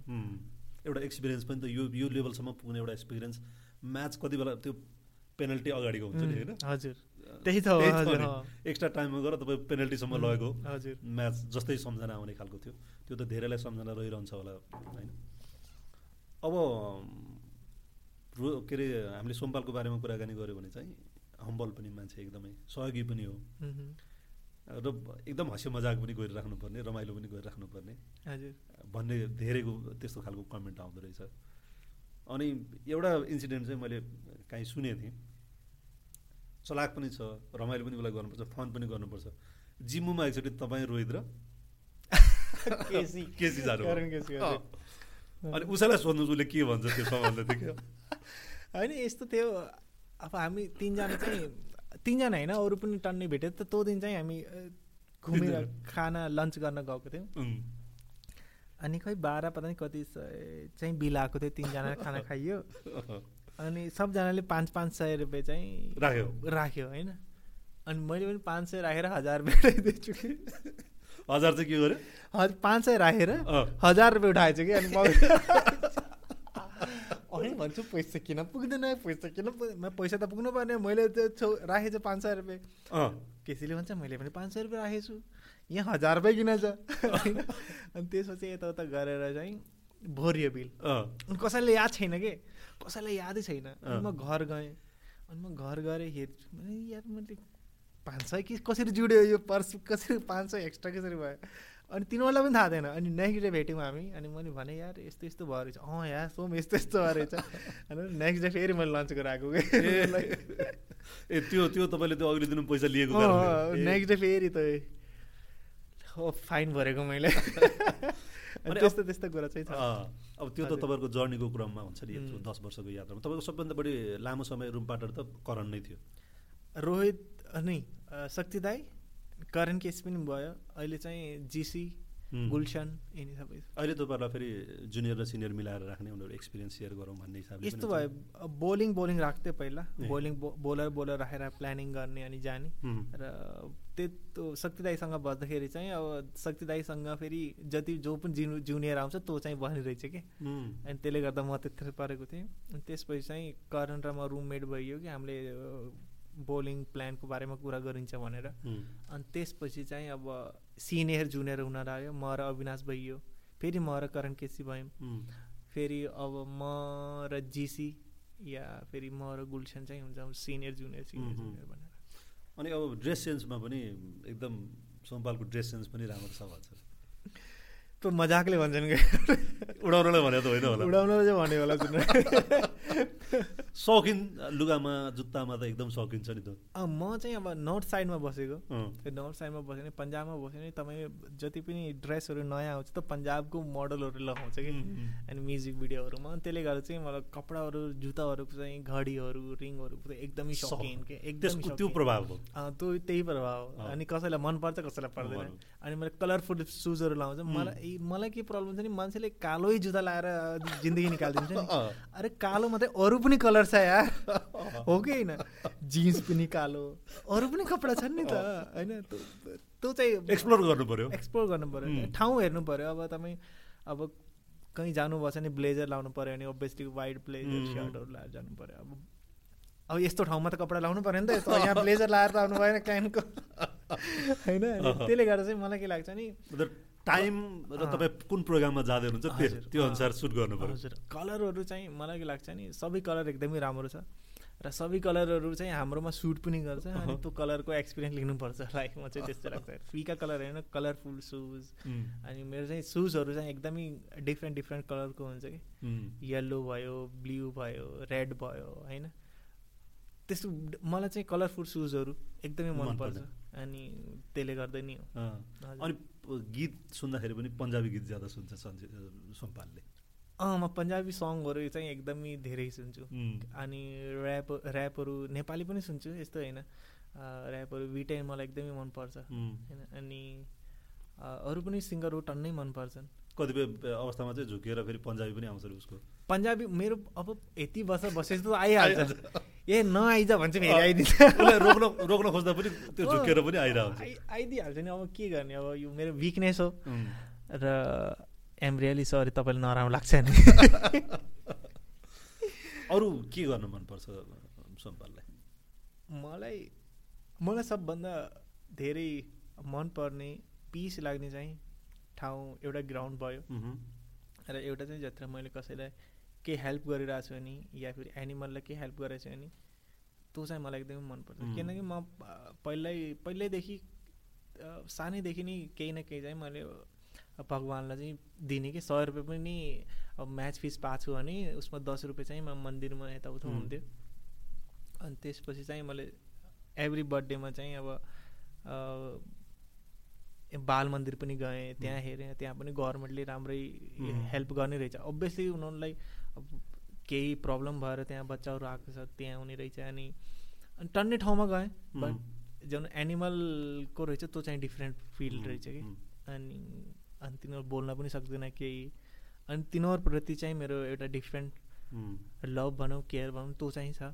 र मेरो मनमा त्यही हुन्छ जति पनि म टुरमा जान्छु टुरमा जाँदाखेरि चाहिँ सडन अमाउन्ट चाहिँ जति पनि बच्छ त्यो चाहिँ अब सिर्जना ठकुरी सेन्टर हुनुहुन्छ उहाँ चाहिँ जान्छु। उहाँ मलाई ट्रस्टेबल किन लाग्नुभयो भने एउटा डग थियो। होइन? अनि मैले नेपालमा जति पनि छ नि म नाम लिन्न जति पनि हुनुहुन्छ सबलाई फोन गरेँ क्या यो डगलाई लिनु होइन म ललितपुरको मात्रै लिन्छु म काठमाडौँको लिँदैन होइन? उताको भन्दाखेरि म यताको मात्रै लिन्छु यताको लिँदैन यस्तो यस्तो आयो क्या अनि मैले यताउता गरेर जर जोर्डन को डक्टर हुनुहुन्थ्यो उहाँलाई चाहिँ फोन गरेँ। अनि उहाँले चाहिँ एउटा दिदीको नम्बर दिन्छु उहाँलाई चाहिँ गर्नु भने अनि उहाँले दिदीलाई फोन गरेँ उहाँ त लिन पुग्नु भयो कि? लिन पुग्नु भयो लगेर पनि जानुभयो होइन? अनि त्यसपछि चाहिँ उहाँ ट्रस्ट भयो नि त उहाँमाथि। अनि अस्ति भर्खर पनि म गएर चाहिँ गरेर आएको र जहिले पनि बाहिरबाट आउँछु केही अमाउन्टहरू या फेरि त्यो अस्ति तपाईँले त्यो ब्लगमा पनि राख्नुभएको त्यही हजुर अँ त्यही नै मान्छेलाई त्यस्तो मन त पर्दैन किनकि उनीहरूलाई अब क्रिकेट प्लेयरै हेर्न मन लाग्छ। तर त्यो जस्तो मैले भने त्यो ब्लग चाहिँ मेरो आफ्नो लागि त्यो मेमोरिजको लागि यो डेटमा मैले यहाँ गएको थिएँ। तपाईँले त्यहाँ एउटा पसलमा गएर त्यो चामलहरू अन्डाहरू किनेर सायद त्यहीँ लान हजुर त्यहीँ लान त्यहाँ गएँ। अनि यस्तो भयो त्यो मुभमेन्ट पनि कस्तो थियो मैले यहीँबाट आफ्नो घरतिरबाटै किनेर लान्छु भनेको थिएँ। त्यहाँ चावलको बोरै पाएन। अनि दुई हजार दुई हजार भन्यो कि। अनि ठ्याक्क उहाँ बाटोमा जाँदाखेरि चाहिँ चावलै चावल देखिरहेछ। म भाइ यो त अलग डिफ्रेन्ट अब गड प्लान चाहिँ नि सब। मलाई चाहिँ के लाग्छ जे पनि भगवान्ले चाहिँ प्लान गरेको ठ्याक्कमा गएँ। अनि म र प्रतिभा थियौँ अनि प्रतिभाको बर्थडेको पनि त्यहाँ दिन बाँकी थियो र मैले अस्ति भर्खर थोरै पैसा चाहिँ आइएमईबाट जति पनि प्रोमो कोड थियो त्यो युज सोमपाल यो कोड गरेको त्यसको पच्चिस रुपियाँ टट आएको थियो दुई तिन हजार जति त्यो अमाउन्ट त नभन अनि त्यस्तो त्यस्तो गर्दै पन्ध्र त्यहाँ हामीलाई अठार सयको एक बोरा दिइरहेको थियो कि। होइन? अनि त्यहाँ एउटा दुई सय रुपियाँ फरक पऱ्यो। दुई सय फरक पऱ्यो होइन? अनि उसले चाहिँ प्रतिवाला चिन्यो कि। त्यो मान्छेले चाहिँ प्रतिवाला चिने अनि मलाई भन्छ भैयाजी मैंने हाँ बताइए. हेलमेट उतारने को? मिलेगा भने मैंने कहा है? भने नहीं उतारिए ना हमको आपको देखना है. मैंने किन भने होइन हम ऊ बहन को कहीं देखे हैं हम लग रहा है आपको भी कहीं देखे हैं. अनि उतारे क्रिकेट प्लेयर हो भनेर चिन्यो उसले अनि उसले चाहिँ आफ्नो अनरलाई बोलायो अनि उहाँसँग भेटायो. अनि उहाँले चाहिँ मलाई पन्ध्र सयको दिनुभयो कि त्यसपछि। अझ तिन सय रुपियाँ अनि त्यसपछि चाहिँ राइसहरू पनि लिएँ अन्डाहरू पनि लिएँ अनि अमाउन्टहरू पनि डोनेट गर्न थियो त्यो पनि गरेँ अनि त्यसपछि चाहिँ त्यहाँ गएँ। अनि त्यहाँ एउटा सम्पु भन्ने डग छ कि? सम्पु मैले एउटा इन्स्टाग्राममा हालेको छु त्यसको अनरले चाहिँ दुई तिन महिना हुँदै त्यसलाई छोडिदिएको थियो कि। अनि यहाँ चाहिँ हाम्रो मेरो घरको बाहिरै यतै घुमिरहेको थियो अनि फोटो आयो अनि यसलाई त बचाउनु पऱ्यो। एकदमै स्किन खुनै ब्लडी थिएन कि यसमा। कोही अनरले छोडिदिएको रहेछ। अनि चाहिँ त्यसलाई अब गर्नु पऱ्यो केही न केही त। अनि सिर्जना दिदीलाई फोन गरेँ ठ्याक्क आउनुभयो। अनि बस्दैन बाबु यो गाह्रो छ एकदमै गाह्रो छ। ब्लड बनिरहेको छैन ब्लड छँदै छैन त्यो किराले सब ब्लडहरू खाइदिइरहेछ भन्नुभयो दिदी ट्राई गर्नु न केही छैन। भने अनि थोरै अमाउन्टहरू पठाइदिएँ अनि उहाँले केयर गऱ्यो गऱ्यो गर्दा गर्दा गर्दा खाना स्टार्ट गरेँ क्या त्यसले। खाना खाना पनि यति यति खाना थाल्यो क्या त्यसले। अहिले गएर हेरेको त यत्रो भएको छ त। पहिरो तपाईँले हातमा त्यो लिइराख्नु भएको त्यही हो। होइन त्यो एउटा छ। फोटो मैले पठाउ देखाउँला हजुरलाई। स्किनमा स्किन मात्रै छ कि? स्किन मात्रै छ। मतलब खुन सबै छँदै थिएन। तर थ्याङ्क गड ऊ बच्यो अनि त्यो दिदीले नाम चाहिँ अब मैले दिएको थिएँ नि त दिदीले। त्यसले गर्दा उसको नाम सोम्पु राखिदिनु छ कि?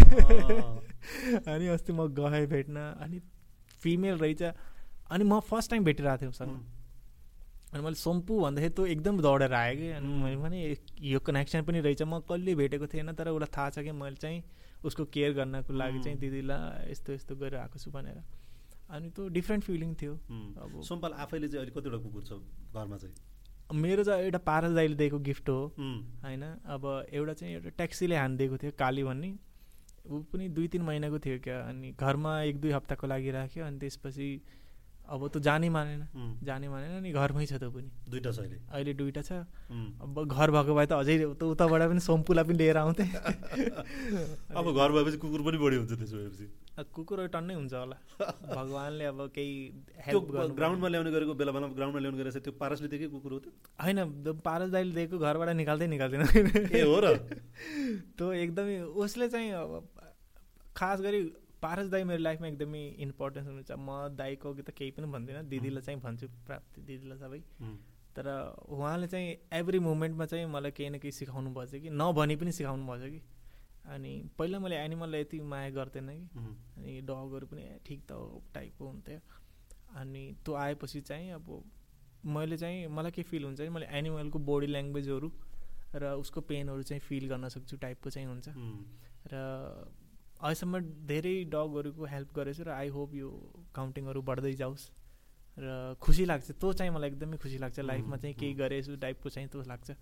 अनि त्यही हो सबैजनाले त्यो बुझ्न सक्दैन तर जतिले बुझ्छ त्यो इम्पोर्टेन्ट पनि छैन। मैले बुझेँ पुगिहालेँ। त्यस्तो टाइपको चाहिँ मलाई फिल हुन्छ। र म रमाइलो लाग्छ। इभन ग्राउन्डमा पनि जो जो र काली छ। अनि तिनीहरूको पनि मैले र रोहितले हेर्छौँ। र एभ्री विक एभ्री विक या टेन डेजमा चाहिँ हामीले त्यही हजार हजार रुपियाँ दिएर त्यो मौसम भाइलाई अनि मोहित भाइले अनि उसले चाहिँ केयर गर्छ अन्डाहरू दिने या होटलमा आउँदाखेरि हामीले अन्डाहरू लगाएर जाने। भ्याक्सिनदेखि लिएर अपरेसन पनि गरिदिएँ कि बेबिज नहोस् भनेर त्यो केयर चाहिँ गर्छौँ हामीले जस्तो पारकको पारसको प्रसङ्ग तपाईँले निकाल्नुभयो कि तपाईँको क्याप्टेन हुनुभयो लामो समय भनौँ न। पाँच वर्ष तपाईँ सायद उहाँको क्याप्टेनसिपमा खेल्नुभयो अब अहिले त अन द फिल्ड क्याप्टेन पनि हुनुभयो र अब त आउट द फिल्ड पनि तपाईँको भनौँ न अफ द फिल्ड पनि अब अहिले तपाईँको लिडर हुनुहुन्छ। क्यानको सचिव भएर आउनुभएको छ। अब पारस आफ्नो समयमा पनि ऊ खेलाडीकै लागि लड्थ्यो होइन। खेलाडीको हकितको लागि यो इन्करेजमेन्टको लागि होस् या कुनै पनि मामलामा ऊ सबैभन्दा अगाडि हुन्थ्यो। उसले आफ्नो पर्सनल रिक्स लिएर पनि उसले धेरै कुराहरू चाहिँ आवाज उठाएको छ। अब अहिले त उहाँ अब आवाज सुन्ने ठाउँमा त उहाँ आफै हुनुहुन्छ। हजुर। अब तपाईँहरूले आवाज उठाउँदाखेरि पनि सुन्ने त उहाँ हुनुहुन्छ। अस्ति भर्खर आवाज उठाएर आएको छ हामीले। अलिक सजिलो हुन्छ कि अलिकति अप्ठ्यारो हुन्छ अहिले? सजिलो हुन्छ नि किनकि उहाँले अब अन्डरस्ट्यान्ड गर्नुहुन्छ नि त चिजहरू। र मलाई के लाग्छ नि धेरै अरू पोइन्ट उहाँलाई याद मात्रै गराउने कि? यस्तो थियो। र हामीले चाहिँ यस्तो हुनु पऱ्यो र एभ्री प्लेयरको चाहिँ लाइफ अझै राम्रो हुनु पऱ्यो कसरी गर्ने दाइ हजुरले बाटो निकाल्नु र हाम्रो चाहिँ यो प्लान छ। तपाईँलाई के लाग्छ त्यस्तो भनेर चाहिँ गइरहेको छौँ। र अब यो चाहिँ अब क्याप्टन र हाम्रो कोच क्यानको मेम्बरहरू बसेर चाहिँ कुरा गर्न सक्छन्। किनकि अब रोहितले चाहिँ हामीलाई पनि के के चाहिएछ भने रोहितलाई सबै थाहा छ। अनि पारस दाईलाई पनि सबै नै थाहा छ किनकि उहाँ पनि क्रिकेट खेलेको दुई वर्ष पहिला त खेलिरहेको हुन्थ्यो नि त। त्यसले गर्दा उहाँले सबै चिज अन्डरस्ट्यान्ड गर्नुहुन्छ। र उहाँ जस्तो मान्छेलाई हामीले केही भन्नै पर्दैन आफै नै बुझ्नुहुन्छ के कहाँ हुनपर्छ भन्ने। किनकि उहाँले टिमलाई पनि लिड गर्नुहुन्छ दस वर्ष। अनि त्यसले गर्दा चाहिँ इजी छ त्यस्तो गाह्रो छैन। तपाईँ के आशा राख्नु भएको छ? पारस खड्काले चाहिँ अब क्यानमा सचिव एउटा महत्त्वपूर्ण पद होइन? कार्यकारी पदमा हुनुहुन्छ। जस्तो उहाँले जिम्मेवारी पनि उहाँको जिम्मेवारीमा दुइटा इभेन्ट पनि भइ नै सकेको छ उहाँमा त्यो खालको क्षमता त देखिन्छ। कतिको आशावादी तपाईँहरू एउटा खेलाडीले चाहिँ आफ्नो रिप्रेजेन्ट त्यहाँ पुगेको छ नि त अहिले त। होइन आफूसँग हिजोसम्म खेलेको प्लेयर त्यहाँ पुग्दाखेरि त अब तपाईँहरूको पहुँचको हिसाबले पनि त अब पहुँच बन्यो नि त। के तपाईँहरूको बिचमा बनाउनु एउटा मेन्टालिटी चाहिँ कस्तो हुन्छ उहाँ हुँदाखेरि? अब पहिला सबभन्दा पहिला त एकदम खुसी लाग्छ कि अब हामीलाई सुन्ने मान्छे आयो कोही होइन? अब उहाँले जे भने पनि हामीलाई ट्रस्ट लाग्छ नि त। किनकि हामीले जहिलेदेखि क्रिकेट खेलिरहेको छौँ उहाँको कुरालाई ब्लाइन्डली ट्रस्ट गरेर त गरिरहेको छौँ नि त। अनि त्यसले गर्दा मलाई के लाग्छ नि हामीले हाम्रो पनि लिमिटेसन हुनु पऱ्यो उहाँसँग चाहिँ कुरा गर्ने माग्ने होइन जेको पनि। किनकि उहाँको पनि त आफ्नो लिमिटेसन छ नि त। अनि त्यसले गर्दा चाहिँ आजको भोलि नै चेन्ज हुन्छ भन्ने छैन त्यसको लागि टाइम लाग्छ कहीँ न कहीँ।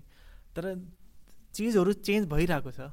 र maybe after two month three month तपाईँ त्यो चेन्जेसहरू आफै हेर्नुहुन्छ कि भन्न भन्दा पनि। त्यो चेन्जेसहरू आफैले हेर्नुहुन्छ कि? त्यो सुन्नुहुन्छ पनि हेर्नुहुन्छ पनि। र अहिले धेरै त त्यो बारेमा के कुरा गर्ने तपाईँले आफै सुनिहाल्नुहुन्छ जतिखेर चेन्जेसहरू आउँछ। किनकि मलाई के लाग्छ नि त्यो हाम्रो नेपाल एकदम सानो छ कि? हाम्रो नेपालमा केही पनि कुरा लुकाउन एकदमै गाह्रो छ। त्यसले गर्दा त्यो कुरा निस्किहाल्छ एक दुई महिनामा अनि आई होप तपाईँ त कुरादेखि खुसी पनि हुनुहुन्छ होला। अब खुसी नभएको क्वेसन त उठाइहाल्नुहुन्छ अर्को मैले जस्तो तपाईँको के भने एउटा प्लेयर र सङमा क्यानमा एक खालको डिफ्रेन्सेस हुन्थ्यो। तपाईँहरूको पनि त्यो भयो। तपाईँको खेलाडीहरूको क्याटेगोरी छुट्याउने वर्गीकरण गर्ने केसमा होस् हिजो तपाईँहरूको त्यो समस्या देखियो। कतिले त टिम नै केही समय छोड्नुपर्ने स्थिति आयो तपाईँ पनि त्यसमा हुनुहुन्थ्यो। अब अहिले त्यो परिस्थिति फेरि बन्छ हो जस्तो त किनभने त्यहाँ अब पारस खड्काको उपस्थिति भइसकेपछि अब सायद मलाई लाग्छ कि खेलाडीसँगको त्यो कन्फन्ट्रेसन हिजो जुन खालको थियो अब सायद त्यो खालको चाहिँ रहँदैन कि। नरहोस् वैसे जहिले पनि बोर्ड र प्लेयर्समा जहिले पनि त्यस्तो नर्मल कुरा हो त होइन? र त्यो कहिले त इस्यु ठुलो भन्छ कहिले सानो भन्छ त्यति मात्रै हो। खेलाडीले आफ्नो विषयमा त उठाउने फेरि कोसँग? अभियसली बोर्डसँगै त हो नि त होइन? त्यसले गर्दा चाहिँ मलाई के लाग्छ नि त्यो नर्मल कुरा हो। र त्यतिखेर चाहिँ अब दुइटै साइडको केही न केही प्रब्लम होला। त्यसले गर्दा चाहिँ हामीले दुइटैले मिस्टेक्स गरेर नै त्यो इस्यु बनेको र आई होप बाहिर नै आयो जो कि बाहिर आउन जरुरी जरुरी थिएन। होइन? बट ठिक छ त्यो क्लियर पनि हुन जरुरी छ। समटाइम जहिले पनि पोजिटिभ कुराहरू मात्रै बाहिर आउन जरुरी छैन नि त। कहिले कहिले नेगेटिभ पनि त तपाईँले हेर्नु सुन्नु। मान्छेले पनि थाहा पाओस् मान्छेले हामीलाई पनि गाली गरोस्। होइन? After after two or three month त्यही फेरि राम्रो पोजिटिभ साइडमा बदलिन्छ होइन? त्यसले गर्दा मलाई के लाग्छ नि मुभमेन्ट मात्रै हो। त्यो मुभमेन्टलाई चाहिँ हजुरले चाहे त्यो राम्रो होस् चाहे नराम्रो होस् त्यो छोडेर अघि बढ्नुपर्छ कि। राम्रो पनि धेरै मनमा नलिने नराम्रो त झन् सुन्ने नि होइन? होइन? त्यसले गर्दा चाहिँ त्यो हामीले मुभ अन गरेको त्यतिखेर। अनि जे पनि भयो राम्रो भयो। किनकि अहिले हाम्रो रामी राम्रो सिचुएसनमा छ नि त। मलाई के लाग्छ नि लाइफमा जे पनि हुन्छ त्यो चाहिँ हुन जरुरी हुन्छ नि। र आई होप इन फ्युचरमा चाहिँ त्यस्तो नहोस्। किनकि हामी सुतेको थिएनौँ कति महिना। होइन त्यो एकदमै फिल हुन्छ। र अभियसली अब क्रिकेटबाट टाढा बस्नलाई त हामीले त्यति बिहानदेखि बेलुकासम्म प्र्याक्टिस गर्दैनौँ नि होइन नौ नौ वर्ष आठ आठ वर्ष सत्र सत्र अठार अठार वर्षदेखिको मान्छे किन फाइट गरिरहेको छ केही त रिजन होला नि त त्यसमा। तर हामीले चाहिँ बुझ्दैनौँ कि त्यो कुरा। किनकि सबैको माइन्ड सेट डिफ्रेन्ट हुन्छ सबैको सोच्ने लिमिटेसन फेरि तपाईँ त्यो भूमिकामा हुँदा तपाईँको एउटा खालको व्यवहार हुने भयो। यहाँ तपाईँ आइपुगेपछि तपाईँको अर्को खालको व्यवहार हुन्छ अभियसली हजुर अभियसली तपाईँले मसँग गर्ने एक्सपेक्टेसन र मैले तपाईँसँग राख्ने एक्सपेक्टेसन त फरक फरक डिफ्रेन्ट छ टोटली डिफ्रेन्ट छ। सङ्घ र खेलाडीको हकमा पनि त्यस्तै हुन्छ। त्यही नै। किनभने सङ्घलाई पनि लाग्दो कि हाम्रो डिसिप्लिनभन्दा बाहिर खेलाडीहरू जानु हुँदैन जे गरिरहेको छौँ सही गरिरहेको छौँ भन्ने होला अब खेलाडीलाई पनि लाग्छ कि हामी यत्रो वर्षदेखि गरिरहेको छौँ त हामीले पनि त केही न केही त केही त दिनु दिनु पऱ्यो हक त हाम्रो पनि केही छ। त्यति बेला सायद तपाईँ ए ग्रेडमा हुनु भएन भन्दाखेरि पनि एक खालको समस्या आएको थियो। मान्छेले ए ग्रेडको मात्रै उठाएको कुरा। तर अरू पनि थियो। कुराहरू अरू थिए तर मान्छेलाई चाहिँ त्यही लाग्यो। होइन किनकि अब त मेरो नाम आयो नि त सोमपाल कामीलाई चाहिँ ए ग्रेडमा राखेन भने त्यो कुरा उठ्यो होइन। अब फर्स्ट पढ्न मात्रै होइन अरू पनि पढ्न छन् कि त्यसमा तँ पनि पढ्नु। होइन बट ठिकै छ। ठिकै छ मान्छेले एटलिस्ट नोटिस त गर्यो नि त। एटलिस्ट नोटिस त गरे एटलिस्ट मान्छे दसजना मान्छे बोल्यो नि त्यसमा होइन ल ठिक छ मान्छेलाई नराम्रो त लाग्ने रहेछ म ए ग्रेडमा छैन या फिर कसैलाई अँ त हकी छैन छ ए ग्रेडमा बस्ने भने तँ पनि लागिरहेको थियो होला त्यो म्याट्री गर्दैन त्यो एज अ प्लेयर मलाई म्याट्री गर्दैन किनकि मलाई थाहा छ भोलि म फेरि ग्राउन्डमा उत्रिन्छु म फेरि पर्फर्मेन्स गर्छु होइन त्यो ए ग्रेड बी ग्रेडको कुरै थिएन कुराहरू अरू पनि थिए तर मान्छेले चाहिँ त्यसलाई हाइलाइट गरे र त्यसको लागि थ्याङ्क यू सो मच तर अब अब त्यो खालको समस्या यदि आयो भने पनि त्यसलाई चाहिँ ट्याकल गर्नको लागि पारस खड्का भएपछि हामीले एउटा विश्वास गर्ने आधार जस्तो खेलाडीले पनि त एउटा विश्वास गर्ने आधार त बन्यो नि त अहिलेलाई। अभियसली अभियसली किनकि अब एक एउटा क्रिकेट प्लेयर त्यो पोस्टमा गएपछि चाहिँ उसले बुझ्नु बुझ्नुहुन्छ नि त के कुरा बाहिर निकाल्ने के कुरा निकाल्ने होइन र यो सिचुएसनलाई कसरी ह्यान्डल गर्ने? तिनी सबै चिजहरू छ। र त्यो तिनी पहिला पनि थिए तिनी कुराहरू। बट एउटा दुइटा कुराहरू निस्किहाल्छ नि नरोके पनि अब यसको अरू मुस्क छुपाए नै छुप्ते टाइपको हुन्छ नि त इन्डियामा भन्छ नि। त्यस्तै भयो त अब आफूले चाहिँ सोमपालले चाहिँ कुनै बेलामा अब क्रिकेटबाट अलग त कुनै दिन त हुनुपर्छ। आज होला भोलि पर भोलि नभए अर्को दिन। क्रिकेटकै वरिपरि रहने गरी चाहिँ आफूलाई तयार पार्दैछ कि क्रिकेट चाहिँ होइन अब क्रिकेट खेल्नुन्जेल खेल्ने हो त्यसपछि अर्कै हो भन्ने छ। होइन अब नेपाल जस्तो कन्ट्रीमा आयो तपाईँले यति धेरै गरेपछि चाहिँ अभियसली नेपाललाई छोडेर त जान्नमा एकदमै माया लाग्छ मलाई नेपालको। र नेपालमै बसेर के गर्ने हो भन्ने चाहिँ छ माइन्डमा र जति अहिले आफूले गर्यो त्योभन्दा बढी चाहिँ अरूदेखि गराउनमा रमाइलो लाग्छ नि त अरूलाई रेडी गर्न र आफ्नो सपना अर्काको सोल्डरमा दिने रिस्पोन्सिबिलिटी अरूलाई दिने अनि त्यसले पर्फर्मेन्स गर्दा चाहिँ खुसी लाग्छ होइन। अनि त्यही त्यही नै छ प्लान त अहिलेसम्म। जस्तो पारसले चाहिँ आफू एकदम क्लियर थियो उसको कुरा होइन? उसले जति बेला छोड्यो छोड्ने टाइममा उसले भनेको थियो कि म म्यानेजमेन्टमा आउन चाहन्छु। शक्तिको तपाईँ हेर्नुहुन्छ भने कोचिङमा जाने उहाँको। एकदम सिधा सिधा कुरा छ। फेरि त्यो देखिएको पनि छ। तपाईँको पनि माइन्डमा कुनै दिन म कोचिङमा जान्छु या म्यानेजमेन्ट जान्छु या केही न केही क्रिकेटमा गर्छु भन्ने सोच चाहिँ छ कि छैन अहिलेसम्म मलाई कोचिङ गर्न एकदमै मनपर्छ। र कोचिङ गर्न एकदमै मनपर्छ र त्यो कस्तो वेमा हुनसक्छ? त्यो एकाडेमी पनि हुनसक्छ त्यो स्कुल पनि हुनसक्छ त्यो डजन्ट म्याटर मन त्यो नेपाल टिमको पनि हुनसक्छ। केटाको हुनसक्छ केटीको हुनसक्छ अन्डर सिक्सटिन अन्डर नाइन्टिन जे पनि हुनसक्छ होइन। ओ डिपेन्ड हो अब मलाई चाहिँ मलाई मात्रै चाहियो कि उनीहरूलाई पनि चाहिएछु म भन्ने पनि त कुरा हो नि त। अब मलाई त्यो चाहियो भनेर म दौड्ने होइन जतिसम्म उहाँलाई पनि मेरो इम्पोर्टेन्स कि तिमीमा केही छ तिमीले दिन सक्छौ भन्ने उहाँलाई लाग्छ अनि ठिक छ। नभए चाहिँ म आफ्नै साइडबाट कसरी गर्न सकिन्छ त्यसमा गर्ने। तर गर्ने चाहिँ क्रिकेटमा किनकि यति इन्भेस्ट गरिसकेपछि आफ्नो टाइम र लाइफै भनौँ न त हामीले त त्यसमा क्रिकेटमै गराएछौँ र मैले कहिले पनि चाहन्न कि क्रिकेट टिम फेरि तल आओस्। मतलब माथि माथि जाओस् हुन्छ नि त। त्यसले गर्दा चाहिँ जे मैले सिकेँ र जे मैले फेस गरेँ त्यो चाहिँ अरूलाई चाहिँ अझै बेटर चाहिँ यसरी गर्न सकिन्छ यो प्याटर्न चाहिँ गर्न सकिन्छ भनेर चाहिँ सिकाउने। किनकि यो लेभलमा पुग्न र बोलिङ सिक्न मलाई धेरै टाइम लाग्यो किनकि म इन्डिया हुँदाखेरि मैले ब्याटिङ मात्रै गर्थेँ बोलिङ सिक्थेन। नेपालमा आएर बोलिङ गर्न सिकेँ त्यसमा पनि फिल्डिङ लगाउन त पारस दाइले लगाइदिनुहुन्थ्यो मेरो। अनि अनि त्यो सिचुएसन चाहिँ नेक्स्ट जत्र कोही स्टुडेन्ट आउँछ या यङ प्लेयर आउँछ अन्डर सिक्सटिन अन्डर नाइन्टिन आउँछ उसलाई चाहिँ त्यो फेस गर्न नपरोस् कि तँ प्रो होस् कि ल्याब इन्डिया नेपाल टिम फेस जत्र त्यसले रिप्रेजेन्ट गर्छ नि त्यो फुल रेडी होस् कि हातमा बिस हजार पछि तेरो नाम चिजलाई भनिरहेको छ अनि ऊ काम हुनु पऱ्यो कि?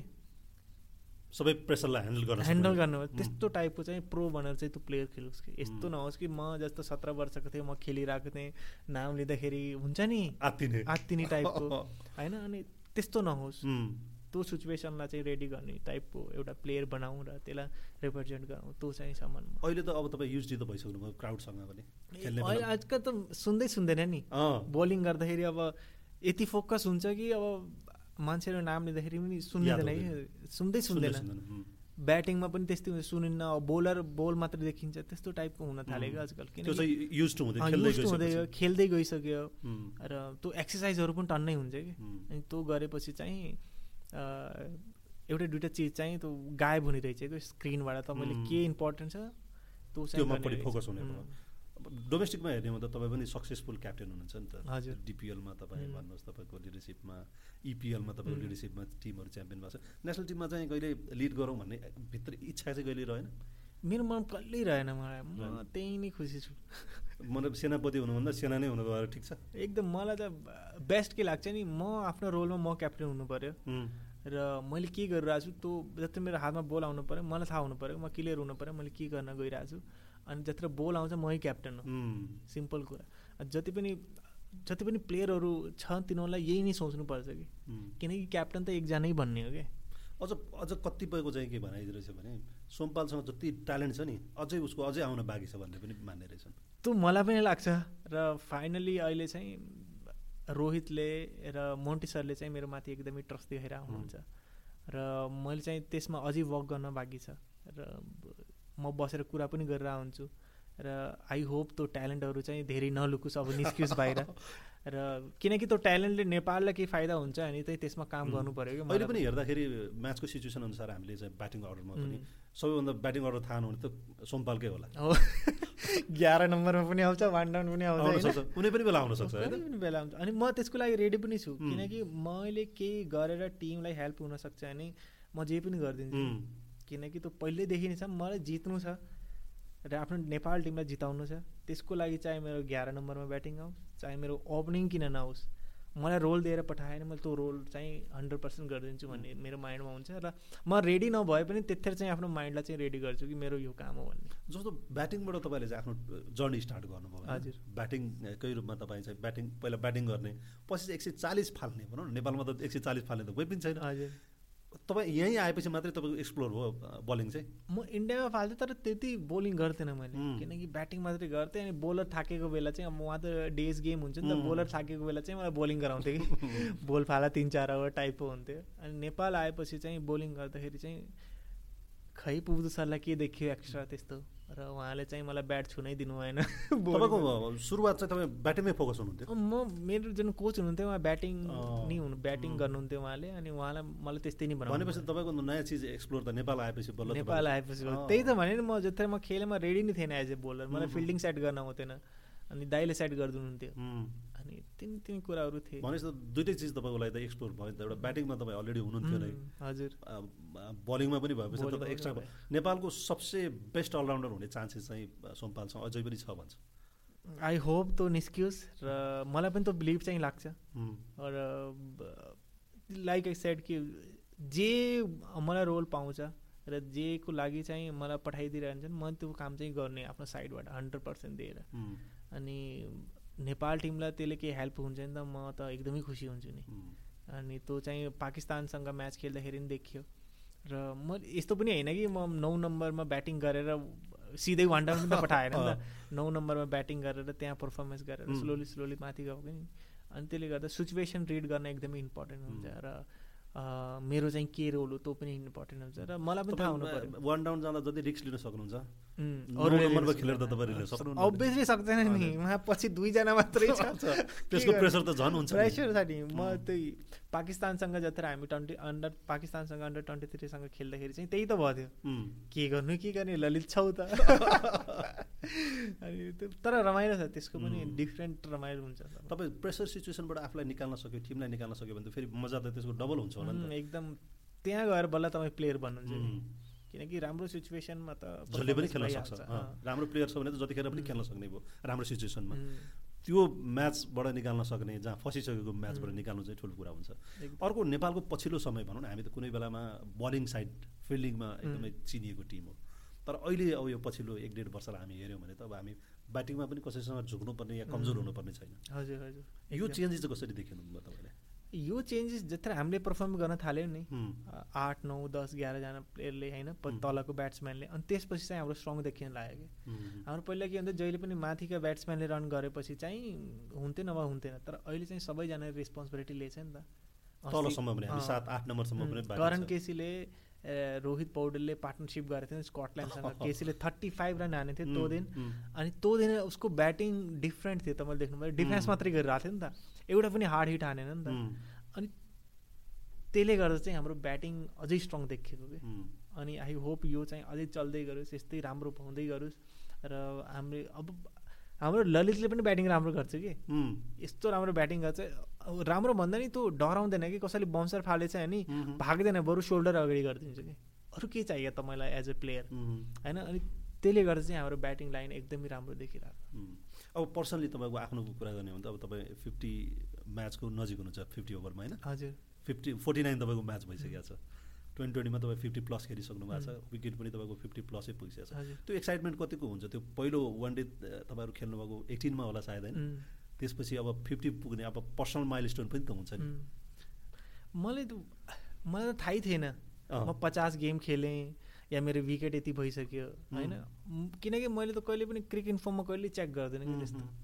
मलाई खै आई डोन्ट नो किन गर्दिनँ तर मलाई मनै पर्दैन तिनी कुराहरू किनकि जरुरी पनि छैन लाग्दैन जरुरत पनि छैन अनि अब खै मैले कहिले नोटिस गरेँ मलाई त पचास गेम खेलेको नि मलाई आयुष गौतम भाइ छ उसले भाइ दाइ आज त पचास गेम कम्प्लिट भयो नि। म पचास भइसक्यो मलाई त थाहै थिएन। अनि पचास विकेट भएर पनि उसैले भन्यो दाइ पचास विकेट कम्प्लिट भयो नि आज टाइपको के?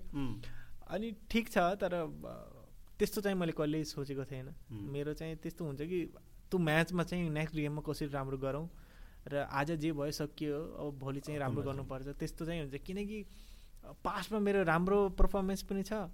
अनि त्यही पासमा नराम्रो पनि हुनसक्छ अनि त्यही लिएर भोलि ग्राउन्डमा उत्रिनै सकियो त्यसले गर्दा चाहिँ तपाईँ आजसम्म राम्रो खेल्नु भने तपाईँ टिमको मेम्बर हुनुहुन्छ होइन? हजुर। भोलि तपाईँले राम्रो खेल्न सक्नु भने त अभियस जति राम्रो भए पनि त आज जति राम्रो भए पनि त्यो दिन गरेन भने त? सकियो। सकियो। त मतलबै भएन म्याटरै भएन। तिमी सत्तरी अस्सी विकेट भयो या हन्ड्रेड गेम खेल्यो त म्याट्रै गरेन। हजुरले आफ्नो साइडबाट कतिवटा गेम जिताउनु भएको छ त्यो चाहिँ म्याटर बढी महत्त्वपूर्ण हुन्छ। अब तपाईँले ट्वेन्टी ट्वेन्टी वर्ल्ड कप खेल्नुभयो एसिया कप खेल्नुभयो सबै खाले तपाईँको अनुभव तपाईँले गर्नुभएको छ। एउटा भनौँ न त्यो पुस्तामा पर्नुहुन्छ जो जसले चाहिँ सबै खाले एक्सपिरियन्स गर्नु भएको छ होइन। अब तपाईँको एउटा क्रिकेटमा बाँकी हुन्छ नि यो एउटा सपना पुरा गऱ्यो भने चाहिँ सायद मेरो पनि खेल जीवन एउटा कम्प्लिट हुन्छ भन्ने एउटा त्यो सपना त तपाईँले भन्नुभयो कि सपना त देख्दै जानुपर्छ अझ। क्रिकेटमै लिएर चाहिँ त्यो त्यो सपना कहाँनिर छ तपाईँको एज अ प्लेयर मैले चाहिँ अब ओडिआई वर्ल्ड कप खेल्न चाहिँ एकदमै मन छ। किनकि लास्ट टाइम जाँदाखेरि पनि मलाई थाहा थियो वी आर नट रेडी भन्ने। किनकि त्यसको लागि धेरै चिजहरू एकदम इम्पोर्टेन्ट छ क्या। तपाईँले इनिङलाई कसरी बिल्ड गर्नुहुन्छ इनिङलाई कसरी फिनिस गर्नुहुन्छ होइन? त्यो चाहिँ एकदमै इम्पोर्टेन्ट हुन्छ र हाम्रो केटाहरू एकदमै यङ थिए। अनि मलाई चाहिँ त्यो मेन्टल थाहा थियो तर मलाई चाहिँ माइन्डमा के थियो टप एटमा पुगिन्छ कि सुपर एटमा पुगिन्छ कि भन्ने चाहिँ मेरो माइन्डमा थियो। र हामीले गर्न सकिएन बट मलाई अभियसली त्यो मन चाहिँ छ कि हामीले चाहिँ ओडे वर्ल्ड कप चाहिँ खेलौँ। अब हामी त्यसको लागि अब चाहिँ तयार हुँदैछौँ। अब यो वर्ष हामीले स्टार्ट कसरी गर्छौँ र फिनिस कसरी गर्छौँ त्यसमा डिपेन्ड गर्छ। र ब्याट्सम्यानहरूले कति रन हाने त्यसमा डिपेन्ड गर्छ। किनकि लास्ट इयर त सकिसक्यो नि त जसले पनि जे गरे पनि। तर यो लास्ट इयरको जुन पर्फर्मेन्स छ त्यसले चाहिँ अब हामी त्यसको लागि लायक छौँ भन्ने त काहीँ न काहीँ देखाउनु चाहिँ देखाउँछ। लायक छ तर त्यसलाई कन्टिन्यू गरेर गर्ने र त्यसलाई चाहिँ ग्राफ कसरी बढाउने त्यो पनि त इम्पोर्टेन्ट एउटा एउटा एउटा सेट त गर्नुभयो तपाईँहरूले होइन? अब त्यो सेटलाई तपाईँहरू कति त्यहाँभन्दा माथिल्लो कति लेभलमा जान सक्नुहुन्छ? या हाम्रो के थियो कि यो आज हामीले जुन खालको स्ट्याटस मेन्टेन गरेका छौँ त्यो भोलि अर्को वर्ष फेरि क्रास होला। अभियसली जे पनि हुनुहुन्छ नि क्रिकेटमा एउटा दुइटा प्लेयर तल माथि हुँदा बित्तिकै सबै चिज चेन्ज गरिदिन्छ कि। त्यसले गर्दा चाहिँ अब लास्ट इयर लास्ट इयर त के भन्ने हामीले? छ सात महिना। छ सात महिना। त्यसले चाहिँ हामीले धेरै कुराहरू सिकाएको छ धेरै कुराहरू देखेको पनि छ र त्योभन्दा पहिला धेरै नराम्रो चिज पनि भएको थियो। डाउनफलै भएको थियो म्याचै जितिरहेको थिएन। र अब चाहिँ यो ब्याचले चाहिँ कन्टिन्यू राम्रो पर्फर्मेन्स गरेर आफ्नो ग्राफ चाहिँ बढाउँदै जानु पर्यो त्यसपछि चाहिँ बल्ल हामीले ओडिआई वर्ल्ड कप डिजर्भ गर्छौँ कि नै अनि चाहिँ थाहा हुन्छ। अब केही वर्षमा नेपालको क्रिकेट कहाँ देख्नुहुन्छ एउटा एज अ प्लेयर तपाईँले चाहिँ कहाँनिर पाउनुहुन्छ? कि कम्तीमा यहाँनिर यतिसम्म हुनसक्छ हाम्रो क्रिकेट भनेर? यो सिक्स सेभेन मन्थ हेर्ने हो भने त क्रिकेट एकदमै राम्रो माथिसम्म जान सक्छ होइन? यो किनकि जुन क्रिकेट हामीले यो पाँच छ महिनामा खेल्यौँ हामी जहाँ पनि खेल्यौँ राम्रो खेल्यौँ कि जे पनि खेल्यौँ राम्रो गऱ्यौँ कि। अब यही डिसिप्लिनसँग र यही मोटिभेसनसँग जाने हो भने त हामीले टेस्ट नेसन मैले छिटो भन्दिनँ किनकि त्यसको लागि चाहिँ हाम्रो डोमेस्टिक अझै स्ट्रङ हुनु पऱ्यो कि। होइन? अब त्यसमा चाहिँ हाम्रो बोर्डको रोल चाहिँ एकदमै राम्रो त्यसमा चाहिँ जस्तो बोर्डको रोल हुन्छ जस्तो उहाँले गेमहरू दिनुहुन्छ जस्तो उहाँले टुर्नामेन्टहरू अर्गनाइज गर्नुहुन्छ अनि त्यसपछि चाहिँ थाहा हुन्छ कि हामी कहाँ पुगिन्छ। अब छ महिना सात महिना हेरेर चाहिँ मलाई लाग्दैन हामीले वर्ल्ड कप पुग्न सकिन्थ्यो पुग्यो। हामीले ओडिया स्टेटस बचाउन सकिन्थ्यो त्यो पुग्यो। एसिया कप एसिया कप खेल्यो। त्यो इनफ भयो अब चाहिँ वाट नेक्स्ट भन्ने चाहिँ हामीले मात्रै होइन कि अब बोर्डले बोर्डले पनि कस्तो गर्छ? स्ट्रक्चर हाम्रो कस्तो भन्छ? हामी जहिले पनि भन्छौँ कि पारस क्याप्टेन हुँदाखेरि भनौँ न हामीले डोमेस्टिकमा कामै गर्न सकेका छैन। नयाँ प्लेयरहरू आउने हामीले बाटो नै बनाउन सकेका छैन होइन? जति पनि छ हाम्रो त्यही बिस पच्चिसजना प्लेयरहरूमा मात्रै हामीले सेलेक्ट गर्नुपर्ने छ आशा गरौँ कि अब केही वर्षमा त्यो खालको स्ट्रक्चर पनि बन्नेछ। एकदम एकदम जति पनि अब कति प्लेयरहरूले घर छोडेर प्र्याक्टिसहरू गरेर आएको छन् तिनीहरूलाई चाहिँ तिनीहरू डिजर्भ गर्छ त्यो प्लेटफर्म। त्यो प्लेटफर्ममा पर्फर्मेन्स गरेर आफ्नो नाम कमाउने चाहिँ तिनीहरू डिजर्भ गर्छ र हामीले तिनीहरूलाई चाहिँ त्यो प्लेटफर्म दिनुपर्छ कि। त्यो चाहिँ इम्पोर्टेन्ट हो हाम्रो लागि। एउटा आशा गर्ने ठाउँ र नेपालमा चाहिँ क्रिकेटै खेलेर भनौँ न एउटा भविष्य बन्न सक्ने। सोमपालले इन्डियाबाट फर्केर नेपालमा आएर क्रिकेटको करियर बनाउन सक्छ। भने एउटा नयाँ ट्यालेन्टले पनि त्यो सक्छ भन्ने एउटा आशा त तपाईँहरूले देखाउनु भएको छ। अभियस सबै सक्छ लाइफमा केही पनि नसक्ने चिजहरू छैन जस्तो मलाई लाग्छ। र त्यसमा चाहिँ हजुरले समटाइम आफ्नो लिमिटेसनहरू कम गर्नुपर्छ र चोइसेसहरू चेन्ज गर्नुपर्छ र डिसिप्लिनहरू चाहिँ एकदमै इम्पोर्टेन्ट छ। तपाईँको चोइसहरू चाहिँ एकदमै इम्पोर्टेन्ट हुन्छ लाइफमा। कतिले त थाहै पाउँदैन कि तपाईँ के गर्न चाहनुहुन्छ चोइस के हो तपाईँको भन्ने नै थाहा पाउँदैन नि त। त्यो फ्रेन्ड सर्कल पनि त चोइसेस हो नि त। त्यो फ्रेन्ड सर्कल पनि तपाईँको चोइस हो कोसँग घुम्ने कोसँग जस्तो तपाईँले अर्जुनको प्रसङ्ग ल्याउनु भयो आफ्नो साथीको। अर्जुनसँगको तपाईँको त्यो फ्रेन्डसिपले त तपाईँलाई यहाँसम्म ल्याउनु यहाँसम्म अनि त्यो चोइस मात्रै हो कि त्यो लाइफमा चोइसेसहरू एकदमै इम्पोर्टेन्ट छ र त्यसले गर्दा चाहिँ अब सबैलाई थाहा छ के राम्रो हो के नराम्रो हो। तर हामी चाहिँ नराम्रो चिजहरू चाहिँ सजिलो लाग्छ। तर तँतिर चाहिँ नभागौँ। नराम्रो चिजहरू छोडेर जसमा हार्डवर्क धेरै गर्न सकिन्छ नि जसमा हार्डवर्क धेरै लाग्छ तँतिर जाउँ। त्यसपछि हेर्नु तपाईँको लाइफको सेप पनि बिग्रिन्छ सोच पनि डिफ्रेन्ट हुन्छ लाइफै डिफ्रेन्ट हुन्छ सोच मात्रै हल्का चेन्ज गर्नु पऱ्यो लाइफमा छिटो गिभअप चाहिँ गर्नु भएन किनकि गिभअप एकदम सजिलो हो क्या। एकदमै सक्सेस फेरि सर्टकट पनि छ हेर्नु न कति राम्रो सक्सेस भन्दै यति हुन्छ गिभअप भन्दा यति सानो मात्रै छ नि त। त्यसले गर्दा चाहिँ मलाई के लाग्छ नि लड्न चाहिँ छोड्न हुन्न लाइफमा कहिले पनि किनकि यो क्रिकेट चोइस गरेर र तपाईँले गिभअप गर्नुभयो भने अर्को चिज स्टार्ट गर्न पनि जिरोबाट स्टार्ट गर्नु पऱ्यो कि। अनि तपाईँले एट्टी पर्सेन्टमा छोड्नुहुन्छ कि जिरोबाट स्टार्ट गर्नुहुन्छ डिपेन्ड अन यु। त्यसमा चाहिँ एकदमै इम्पोर्टेन्ट हुन्छ। अब हामी चाहिँ यो प्रोग्राम सुरु गरिसकेपछि हामीले क्रिकेटरको रूपमा एज अ प्लेयर चाहिँ सोमपाल हाम्रो पहिलो गेस्ट। जगतगुरु आउनुभएको थियो भन्दा अगाडि। मलाई त टाइम गएकै यहाँ चाहिँ थाहा भएको छ। अझै त्यो हुन्छ नि अझै केही गरौँ केही गरौँ जस्तो लागिरहेको छ। सोमपालको एक्सपिरियन्स कस्तो रह्यो? एकदमै राम्रो एक्सपिरियन्स रह्यो। अब यसरी बसेको नि फर्स्ट एक्सपिरियन्स हो मेरो। र आई होप यो जुन हजुरले स्टार्ट गर्नुभएको सो यो अझै राम्रो हुँदै जाओस्। र भोलि यहाँ अझै क्रिकेट प्लेयरहरू बसोस्। वुमेन्स क्रिकेट प्लेयरहरू बसोस् होइन? अन्डर नाइन्टिन जुन वर्ल्ड कप खेल्न गइरहेको छ तिनीहरू बसोस् तिनीहरूले आफ्नो एक्सपिरियन्स सेयर गरोस्। र जति पनि फुटबलहरू वुमेन्स फुटबलहरू या जति पनि एथलिटहरू आउँछ त्यसमा हजुरहरूले बोलाएर चाहिँ उनीहरूलाई चिनाउनु पऱ्यो कि। मान्छेले चिन्नु पऱ्यो गाउँ गाउँमा मान्छेले बसेर हेर्नु पऱ्यो त जतिसम्म यहाँ आएर त्यो आफ्नो एक्सपिरियन्सहरू पुरा कुरा गर्दैन सेयर गर्दैन मान्छेलाई चिन्दैन। त्यो पर्फर्मेन्स म्याटर गर्छ होइन? तर तपाईँले मान्छेले चिन्नु पनि पऱ्यो नि त। चिनाउनको लागि थ्याङ्क यू सो मच र म रिक्वेस्ट गर्छु जति पनि प्लेयरहरू छ होइन? उनीहरूलाई चाहिँ यहाँ बसालेर उनीहरूको लाइफको एक्सपिरियन्स कसरी स्टार्ट गर्नुभयो जस्तो मैले आज भने नि मैले क्रिकेट स्टार्ट कसरी गरेँ? र भोलि एउटा बक्सर प्लेयर हुनसक्छ त्यसले कसरी स्टार्ट गर्यो? होइन? अनि तिनी प्लेयरहरूको पनि स्टोरीहरू जान्न मलाई म मैले पनि सुनिरहेको हुन्छु कि अब मैले तपाईँको यो खेलकुदमा अरू पनि प्लेयर आयो भने अब मैले नहेरे पनि अन गरेर मैले अरू काम गर्दा बित्तिकै यामा सुत्दाखेरि पनि त सुनिरहेको हुन्छु कि स्टोरिजहरू मलाई चाहिँ त्यो स्टोरिजहरू सुन्न एकदमै मन मजा लाग्छ हामीले सकेसम्म यो प्रोग्रामलाई त्यस्तै एउटा कन्सेप्ट पनि राखेका छौँ कि यहाँ तपाईँलाई के भने टाइम प्रेसर नहोस् कम्तीमा आफ्नो कुराहरू खुलेर भन्नु कतिपय कुराहरू चाहिँ के हुनु रहेछ भने त्यो इन्भाइरोमेन्ट पनि भइरहेको हुन्न के आफ्नो कुराहरू एक्सप्रेस गर्नको लागि। तपाईँ गेमको टाइममा त गेमको कुरा गर्नुहुन्छ होइन? यहाँ तपाईँलाई त्यो प्रेसर छैन कि तपाईँले गेमकै मात्रै कुरा गर्नुपर्छ। तपाईँलाई लागेको कुरामा तपाईँ खुलेर कुरा गरिदिनु भयो भने हुनसक्छ कसैलाई त्यसले प्रभावित पनि पार्ला कसैलाई इन्सपायर पनि गर्ला। हामीले पनि खास त्यही नै चाहेको हो। जुन कुरा तपाईँले आज भन्नुभयो। तपाईँ कतिको फलो गर्नुहुन्छ स्पोर्ट्सको मिडियाहरूलाई चाहिँ कतिको फलो गर्नुहुन्छ? म त्यति धेरै गर्दिनँ किनकि त्यसको पछि रिजन पनि छ। टन्नै रिजन किनकि नराम्रो कुराहरू पनि टन्नै आउँछ मलाई के लाग्छ नि एज अ एथलिट प्लेयर त्यो नेगेटिभहरू टन्नै छन् कि कुराहरू? त्यो चाहिँ भन्न हुन्न कि अरू किनकि मलाई कसैले एज अ आइडल मलाई फलो गरिरहेको छ नि मैले केही फिल मैले केही नराम्रो चिज फिल गरिरहेको छु नि या फेरि मैले केही पाएको छैन भने त्यो चाहिँ सेयर गर्न हुन्न कि। किनकि त्यो जो बच्चाले बसेर हेरेछ नि त्यसको माइन्डमा चाहिँ डिफ्रेन्ट सोच जान सक्छ र त्यो भोलि गएर त्यो गेम छोड्नु सक्छ कि त्यसले। त्यसले गर्दा चाहिँ मलाई के फिल हुन्छ जे तपाईँले इन्जोय गर्नुभएको छ नि आफ्नो लाइफमा नराम्रो ठाउँ त कति छ कति। तर राम्रो ठाउँ पनि त छ नि। त्यो सेयर गर्नु र त्यो बच्चालाई त्यो इन्जोय गराउनु कि। अनि त्यो भोलि त्यही भएर मोटिभेट भएर चाहिँ यहाँ आएर खुलेर आफ्नो गेमको बारेमा र त्यो मैले भने नि त्यो जर्सी नेपाल टिमको जर्सी लगाउने।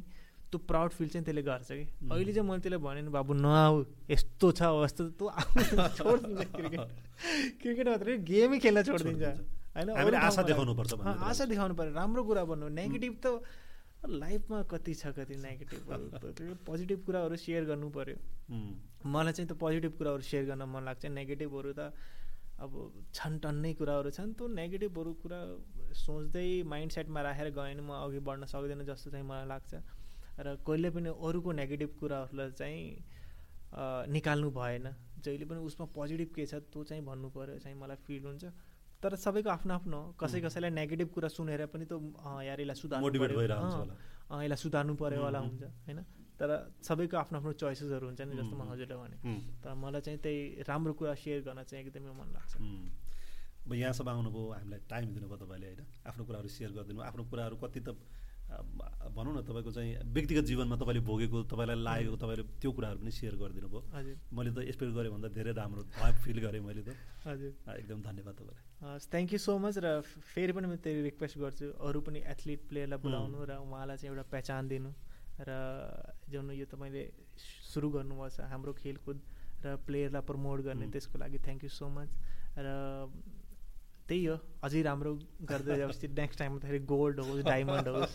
सो बेस्ट विसेस हस् थ्याङ्क यू आदरणीय दर्शक उहाँ हुनुहुन्थ्यो सोमपाल कामी जो राष्ट्रिय टोलीको राष्ट्रिय क्रिकेट टोलीको एउटा महत्त्वपूर्ण सदस्य हुनुहुन्छ। उहाँले आफ्नो थुप्रै कुराहरू सेयर गर्नुभयो। मलाई लाग्छ यसले नयाँ प्लेयरहरूलाई पनि केही न केही पक्कै रूपमा मोटिभेट गर्छ। हामी हरेक शुक्रबार साँझ छ बजे आउने गरेका छौँ।